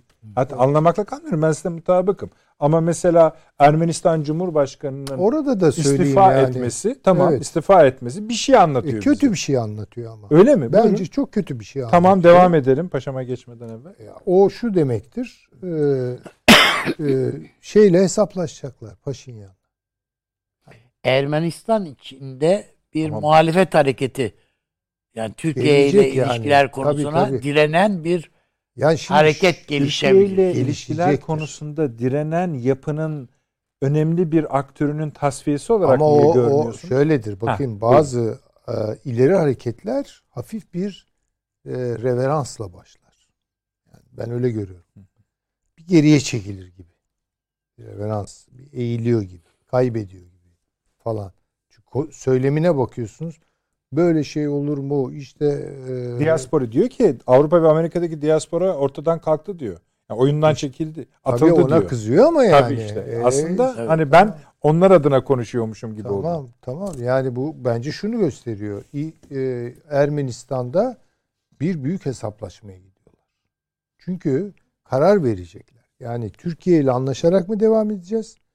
Düşünebiliyor musunuz? Bütün varoluş sebebi Türk düşmanlığına dayanan anayasasına bunu sokmuş bir e, millet için Türkiye'ye anlaşmaktan bahsediliyor. Bakın şimdi bizim nasıl PKK ile anlaş gibi bir şey bu yani. Onların açısından söylüyorum. Yani e, kes- kesinlikle anladım. kıyaslamak değil. Yaratacağı psikolojik etkiyi anlatmak için söylüyorum. Yani bu bence kamuoyu, içerideki kamuoyunu özellikle bu klan neyse o çete Sarkisyanlar ha onları bence işin içine su ve diaspora bunu istiyor. Bunun arkasında Fransa çıkarsa Peki bir şey sorayım. Paşama da sorayım. Bu istifadan Rusya memnun mu değil mi? Hayır, Rusya orada mümkün mertebe e, klanın e, şey yapmasını tercih eder. Ben söyleyeyim. Yani çünkü daha rahat kontrol edebileceği bir şeydir. Oradaki tek problem işte bu diasporanın etkisi ne kadar olacak vesaire bunu çözerler kendilerine göre. Orada ağırlığını koyar Rusya. Ama Türkiye ile Ermenistan'ın anlaşmasını Rusya ister mi? Düz soralım soruyu. Asla. Azerbaycan'la Ermenistan'ın arasındaki problemlerin sona ermesini ister mi Rusya? Asla. Yönetebileceği sorunlar ister. Yönetebileceği sorunlar. Stalin döneminden beri E, devam eden değiş- konu. Aynen. değişmez Hiç değil mi paşam yani Tabii. bu da. Bunu da görelim. Onun için yani Paşinyan'a şöyle baktı önce Rusya. Ya şimdi bu dağlık Karabağ çetesi, klanı yıprandı. Paşinyan'ın işte bir batıya dönük bir yüzü de var. Ben de böyle ağır abi rolünü oynuyorum bu işlerde. Yani şimdilik müdahale etmeyeyim. Onun için onunla yola çıktı. Bir de e, Ermeni halkının hakikaten burasına geldi. Yani artık o kadar sıkışmış his- hissediyor ki yani hakikaten dünyaya açılmak istiyor. Ve bunun yolu da Türkiye'den geçiyor tabii ki büyük ölçüde. Ama orada şöyle kuralım Avni Bey'in sözünden hareketle. Sen siz de madem öyle şu anda iki tanesine zaten şart koydunuz. Ee, yani fırına verilmiş pişiyor ama yanma ihtimali de var. ben öyle görüyorum. Görüyorsunuz. Yani ha şimdi Bakalım bunu paşa. bildiği için Dışları bunu öncelikli bir mesele alıp oraya müdahil olup ısı ayarlaması neyse yani Tamam, eee, şu şey metaforlarda yakmamak için şey hani e, müdahaleleriyle belki bunun önünü almak e, başarısını gösterebilir. Onu bilmiyorum tabii ki. Ama gidişatın e, pek de Ermenistan'da e, böyle Türkiye-Ermenistan ilişkilerini düzeltici bir e, etki doğuracak e, şekilde olduğu kanaatinde değilim. İnşallah bunu tersine Hayır ama o zaman çevirirler. şöyle bir boşluk ortaya şu, şu çıkıyor soru ortaya. O zaman buraya kadar niye müsaade etti? Yani niye karışmadı daha doğrusu müsaade değil de niye karışmadı yani. Neyse onu ayrı yapalım. şey Bir mi paşam da- Ruslar mı? Ha, onu söylüyorum. Zamanlama bence. Atmosfer diyorsun. Konjonktür. şeyi var. e, bu bizim Kars'a bağlı Akyaka. E, Ermenistan'la aramızdaki sınır şey kapısı, Evet. hudut kapısı o. Akyaka'nın Hı. Akyaka'nın hemen karşısında yani zaten karşısında dediğimiz 20 metre işte 50 metre bir şey yani. Öbür tarafa e, Ermeniler e, pankartlar falan koydular işte. Alışveriş merkezi istiyoruz. Şunu yapıyoruz diye. Zaten Rus Gösteri askeri var yapıyor. sınır kapılarında Hayır, yani tabii. Ermeni askeri yok. Buyurun. Yani Evet, özünde şu, evet. bu neden bu bilhassa dört ülke ve neden böyle bir plan? Ee, yani bence e, bu çemberi ikiye ayırmak lazım. Yani iç ve dış çember diye. Yani yakın çevre veya dış çevre diye. E, çünkü e, eğer e, yakın çevre dersek biraz sanki daha evvelden denenmiş komşularla sıfır sorun gibi bir e, Ama orada da o yani o ülkelerin bir kısmı vardı galiba. e, ama Anlıyoruz bu zaten. e, ondan daha farklıydı. Yani Peki, komşularla buyurun, sıfır buyurun. sorun. Bu dış çemberden başlıyor. Bence Ermenistan meselesinde e, ciddi bir stratejik hamle olduğunu düşünüyorum. Cumhurbaşkanlığı makamı e, anayasalda bizim önceki Perşembe Çağrı Cumhurbaşkanı Hoca'ya da sorarız gerçi bunu da siz devam edin. ee, şöyle e, Cumhurbaşkanı yetkileri yönetsel anlamda az Ermenistan'da. E, istifa ederek e, Paşinyan'ı Cumhurbaşkanı yaparak Paşinyan'ın üzerindeki yetkileri sınırlandırmak gibi bir hamle söz konusu olabilir. Çünkü şu anda Cumhurbaşkanlığına seçilebilecek ki %59'du sanırım seçime katılma olanı e, ve e, böyle kritik bir şeyle seçildi esasında. E, karşısında ciddi bir muhalefet e, yer alıyor. E, Paşinyan'ı başbakanlıktan tasfiye ederek e, daha az yönetsel tarzda pozisyon alabileceği bir yere kaydırma ve bu konuda ittirme gayreti söz konusu olabilir. Böyle olduğu takdirde yeniden yapılacak bir e, seçimde veya yeni bir başbakan atanmasında Paşinyan e, kendi grubundan mı birisini atar veya aynı Paşinyan gibi e, bu konular üzerinde dirayetli bir şekilde devam ederek Türkiye ile olan ilişkileri güçlendirme şeklinde bir istikamette mi gider?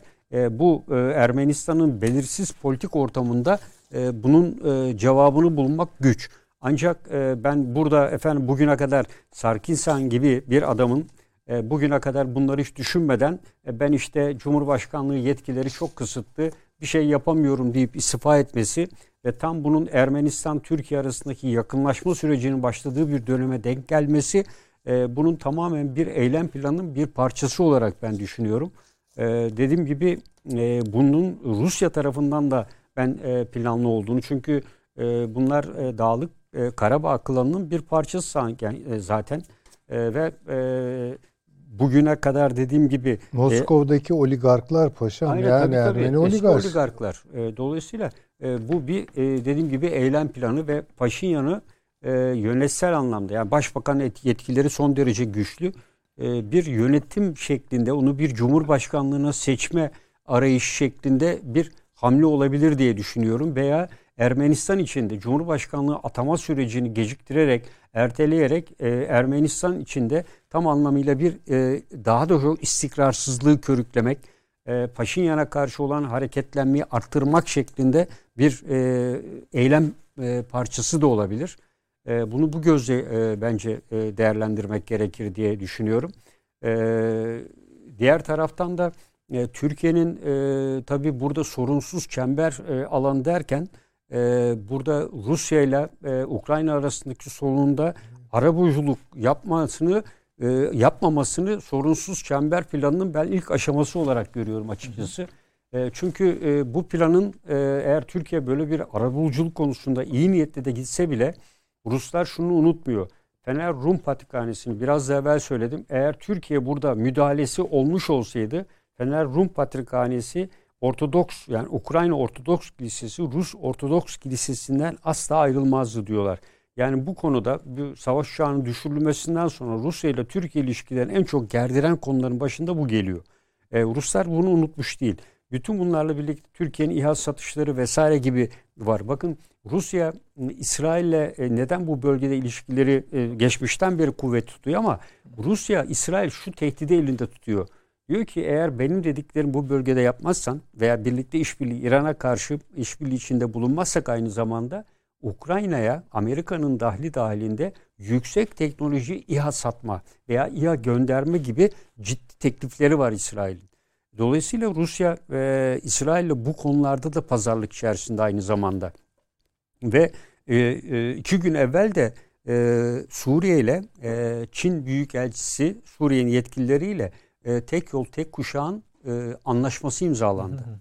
E, ve dolayısıyla Rusya'nın e, şey Çin'in de bu bölgeye artık anlaşmaya da olsa dahil olduğu bir süreci görüyoruz. Rusya e, Çin'in bu yaklaşımından da ciddi endişe duyuyor.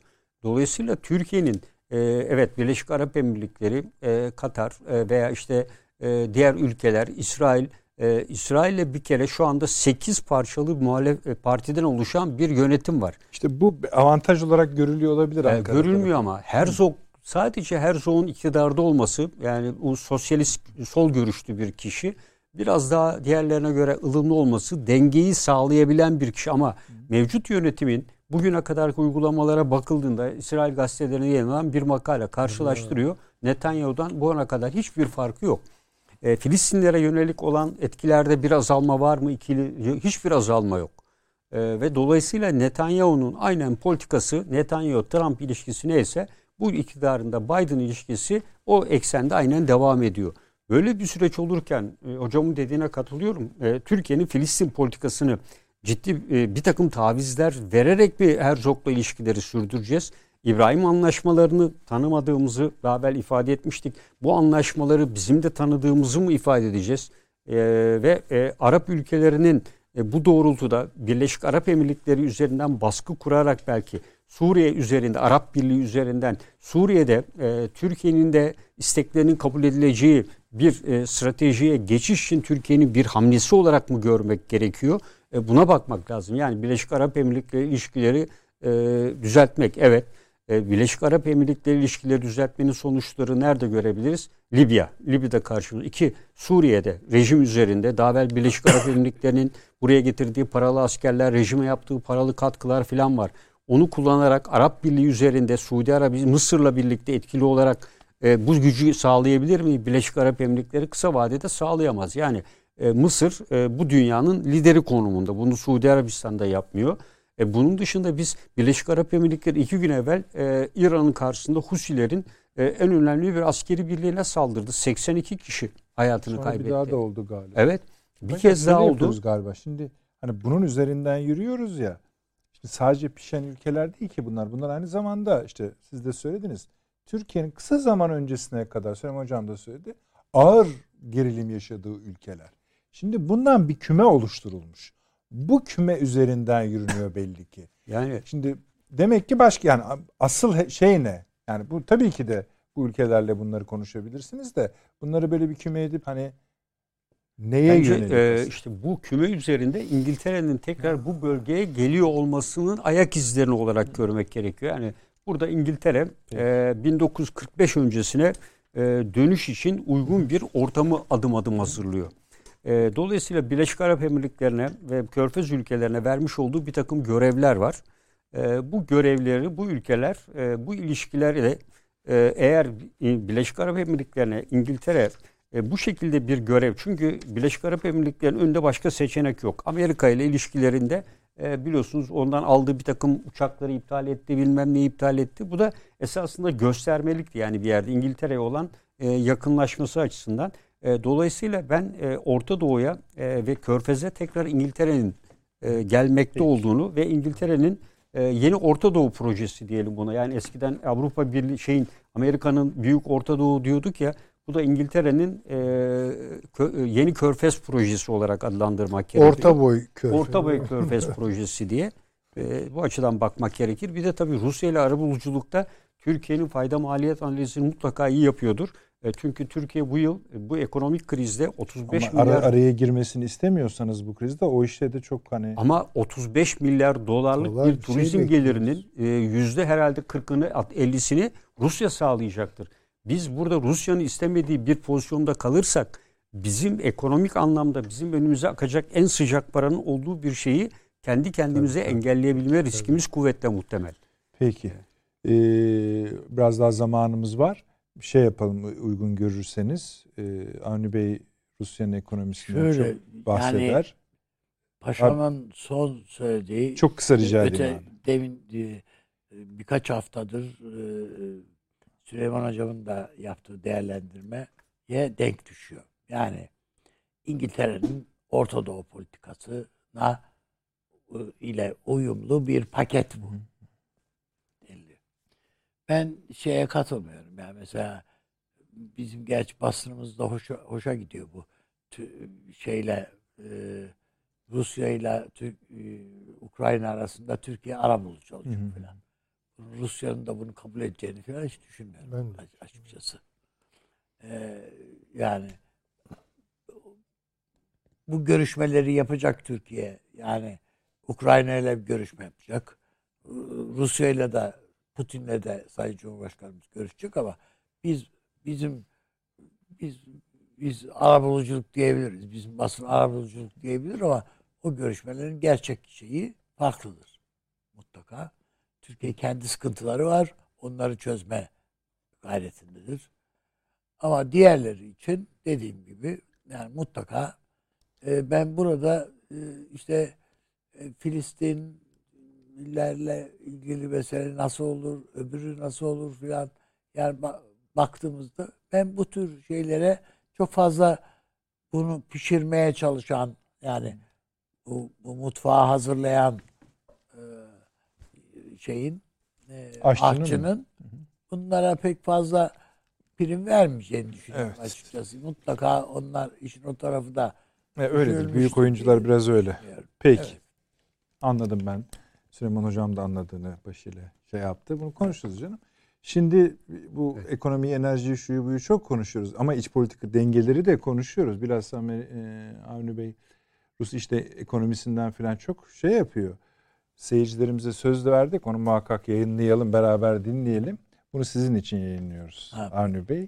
Size gel, öyle İstek söyleyelim. oradan mı geldi? İstek evet. Evet. Özelde Doktor Profesör Doktor Thomas Homer Dixon Royal Road Üniversitesi Cascade Üniversitesi direktörü Amerika'nın kısa vadeli geleceğine ilişkin ciddi kehanetleri olan kehanet deyince küçümsemeyelim anlaşıldığı kadarıyla kendi kendi CV'sine baktığınızda siyaset bilim açısından iyi çalışan birisi gözüküyor. İlginç şeyler söylüyor. Dinleyelim efendim. uh, worked on uh, the 40 yıldır siyaset toplum çatışmalarının nedenleri üzerinde çalışıyorum. Karşılaştırmalı siyaset bilimcilerle çalışıyorum ve farklı ülkelerin siyasi operasyon ve rejimlerini karşılaştırıyoruz. Özellikle şiddetli çatışmalar ve sivil istikrarsızlık, iç savaş, etnik çekişme, terörizm, isyanlara odaklanıyoruz. ABD'ye baktığımızda gördüğümüz tek şey ciddi sivil istikrarsızlık işaretleridir. ABD'de şu anda demokrasinin, ülkedeki kurumların veya siyasi kurumların başı büyük dertte. Amerikan demokrasisinin çökmesinin büyük olasılık olduğunu düşünüyorum. Emin miyim? Bugün için sonra artacak en az %40 ihtimal olduğunu söyleyebilirim. Bu da önemli ölçüde Donald Trump'ın 2024'te yeniden başkan seçilip seçilmemesine bağlı. Seçilme olasılığı ise bu oranın çok üzerinde. Başkan Biden şu anda popüler değil ve Amerikan seçmeninin yaklaşık %40'ı adaylığı kesinleşmeden dahi Trump'ı coşkuyla destekliyor. Yeniden seçilirse %80 ihtimal Amerikan demokrasisi akamete uğrayacak. Trump'ın işleyişi, cumhuriyetçi olmayan bir başkanın seçilmesini zorlaştıracak şekilde değiştireceğini düşünüyorum. Bu 2025-26 gibi olabilir. Bu da ABD'de büyük sivil istikrarsızlıklara yol açabilir. Sonrasında da sağ iktidar gücünü konsolide edip yerleşik hale gelebilir. Başka deyişle Birleşik Devletler'de bir diktatörlüğün gelişimine tanık olabiliriz. Bu da 2030 civarında olur. The United States is symbolically important for democracies around the world. Kötüsü de var. ABD dünyadaki demokrasiler için sembolik bir önem taşıyor. Dünyanın en eski demokrasisi ve tarihsel olarak demokratik kurumların koruyucusu. Eğer Birleşik Devletler demokrasisi başarısız olursa bu diğer ülkelerin demokratik kurumlarını sürdürmesini çok zor hale getirecektir. Mesela Kanada'da 6 milyona yakın Trump destekçisi var. Ülke ABD'ye derinden bağımlı son derece entegre, ekonomileri birbirine bağlı. Sınırda günde yaklaşık 1 milyar dolar ticaret akışı var. Gıdanın çoğu ABD'den geliyor. Dolayısıyla demokratik kurumların gücünden bağımsız olarak Washington'daki düşman bir rejim Kanada için büyük tehdit olacak. Yani Trump sadece ısınma hareketi. Incumbent party, the party that is Kasım'daki ara seçimlerde iktidar başarılı olamayacak gibi görünüyor. Cumhuriyetçi Parti'nin başarılı olması bekleniyor. Bu da muhtemelen Cumhuriyetçilerin hem Temsilciler Meclisi hem de Senato'da kontrolü ele geçirecekleri anlamına geliyor. Bu, Başkan Biden'ın yasama gündemiyle siyasi ajandası üzerindeki kontrolünü kaybetmesi demek. Biden'ın girişimlerini engellemek için ellerinden gelen her şeyi yapacaklardır. Bu da Donald Trump'ın yeniden seçilmesini kolay hale getirir. Çünkü kongre siyasi gündemi de kontrol eder. Başkan Biden'ın görevinde tökezlediğini ve işini yapamıyormuş gibi görünmesini sağlayabilirler. Donald Trump'ın başkanlığına geri dönmesi gerektiğine dair argümanı güçlendirir. Dolayısıyla sadece 10 ay sonra yapılacak olan ara seçimler, Amerikan demokrasisinin uzun vadeli başarısı için kritik öneme sahip. Sanırım Birleşik Devletler'de birçok demokrat durumun ne kadar ciddi olduğunu yeni anlamaya başlıyor. Cumhuriyetçi Parti içinde Trump karşıtı bir şey de beklemeyin. O iş bitti. Donald Trump, Cumhuriyetçi Parti içindeki savaşı büyük ölçüde kazandı. Trump, kişilik kültüne döndü. Amerikan seçmeninin %40'ını arka cebinde tutuyor. Bu muazzam bir siyasi güç. Schwarzenegger'in geri döneceğim dediği eski Terminator filmlerine benziyor.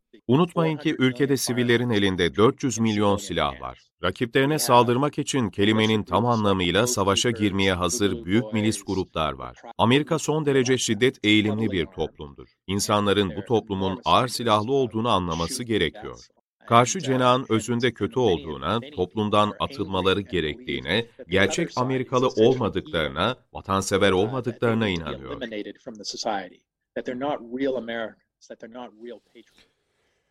Evet Süleyman Hocam. Bu Cumhur yani mesela arada kaldı ama mesela Cumhuriyetçi Parti'den falan bir şey beklemeyin diyor. Yani hani bir rakip çıkarır şu bu O falan filan bitti, direnir tabii mirenir. canım, O yok. Hatta demokratlardan da çok Yani diyor. Ee, esasında Doğru şunu da soruyor. Başka ülkelerle de ilgili çalışmaları var bu grubun. O da ilgi ama o başka zaman artık onu değerlendirelim. Ne diyorsunuz? Yani tespitler düzeyi tabii arka planını Hı hı. E, bilemem. Yani yüz, o verdiği yüzdeleri neye göre çıkartıyor? Hangi indeksleri Bu kullanıyor? filan. yayınladı biz oradan Doğru, aldık. doğru. Tabii, Yani Yani doğrudur haricinde değildir diye söylemiyorum. Yani bir ortada şey Evet. var. Evet. Bir şey var. Doğru söylüyor. Yani bunlar aşağı yukarı bizim de burada yaptığımız Tabii, tabii, tabii. tespitler Yani bir bakıma sağlaması oluyor. En azından belli Hı hı. e, yerli kaynaklar üzerinden. E, Amerika'nın işi zor. Yani özellikle o şuna. Eğer diyor bu kısmı yani kaybederse artık bir daha toparlayamaz. Yani sadece Biden için söylemiyor bunu. Amerika toparlayamaz. Amerika şöyle e, toparlayamaz mı onu bilmiyorum ama Toparlar mı? Kaybetmekten kastı ne? Çünkü eğer Demokrasi e, çöker diyor. Neyi, zaten ne, o- kim kaybederse Trump gelirse. gelirse demokrasi çöker. demokrasi diyor. çöker. Ee, demokrasi e, büyük bir çoğunlukla bir lideri iktidar yapıyorsa e, kendi çöküşünü de hazırlıyordur bir bakıma.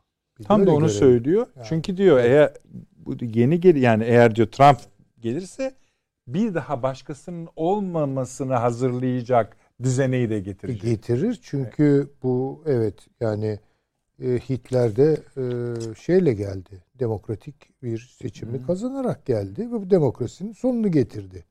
Bu bizi başka bir yere götürür. Demokrasinin kırılganlığı meselesine falan götürür. Ama Amerika şimdi bunu yaşıyor. Yaşıyor. Yaşıyor. Yalnız şuna ben de doğrusu bugünlerde zaman zaman e, düşünce e, odalarımda yer veriyorum. E, eğer bu gerçekleşirse, Trump gelirse bunun pek alıştığımız bir Trump olmayacağı kanaatindeyim. Daha ılımlı, daha sert. Daha atak. Daha Atak. atak. O da zaten hani şey Yani şey bekliyor ya intikam herkes de. Trump gelecek, Amerika'nın kapılarını kapatacak, içeri dönecek Amerika. Tereddütlerim var. Peki, böyle de keselim zamanımız dar. Avni abi üzüldün mü yoksa? Hayır yok için hayır. Yani, yani? bu bu tespitlerin hepsi burada Tabii tabii. seslendirilmiş tespitler. Onun Tamam. için yani Hı hı. bunlara söyleyecek bir şey yok. Paşam siz de bir iki cümle ederseniz. Yani zaten e, yazmıştık biliyorsunuz Amerika Tabii, tabii. dağılacak diye. Daha işte Ukrayna devreye girmeseydi onu e, arkasını getirecek birçok veriler de vardı.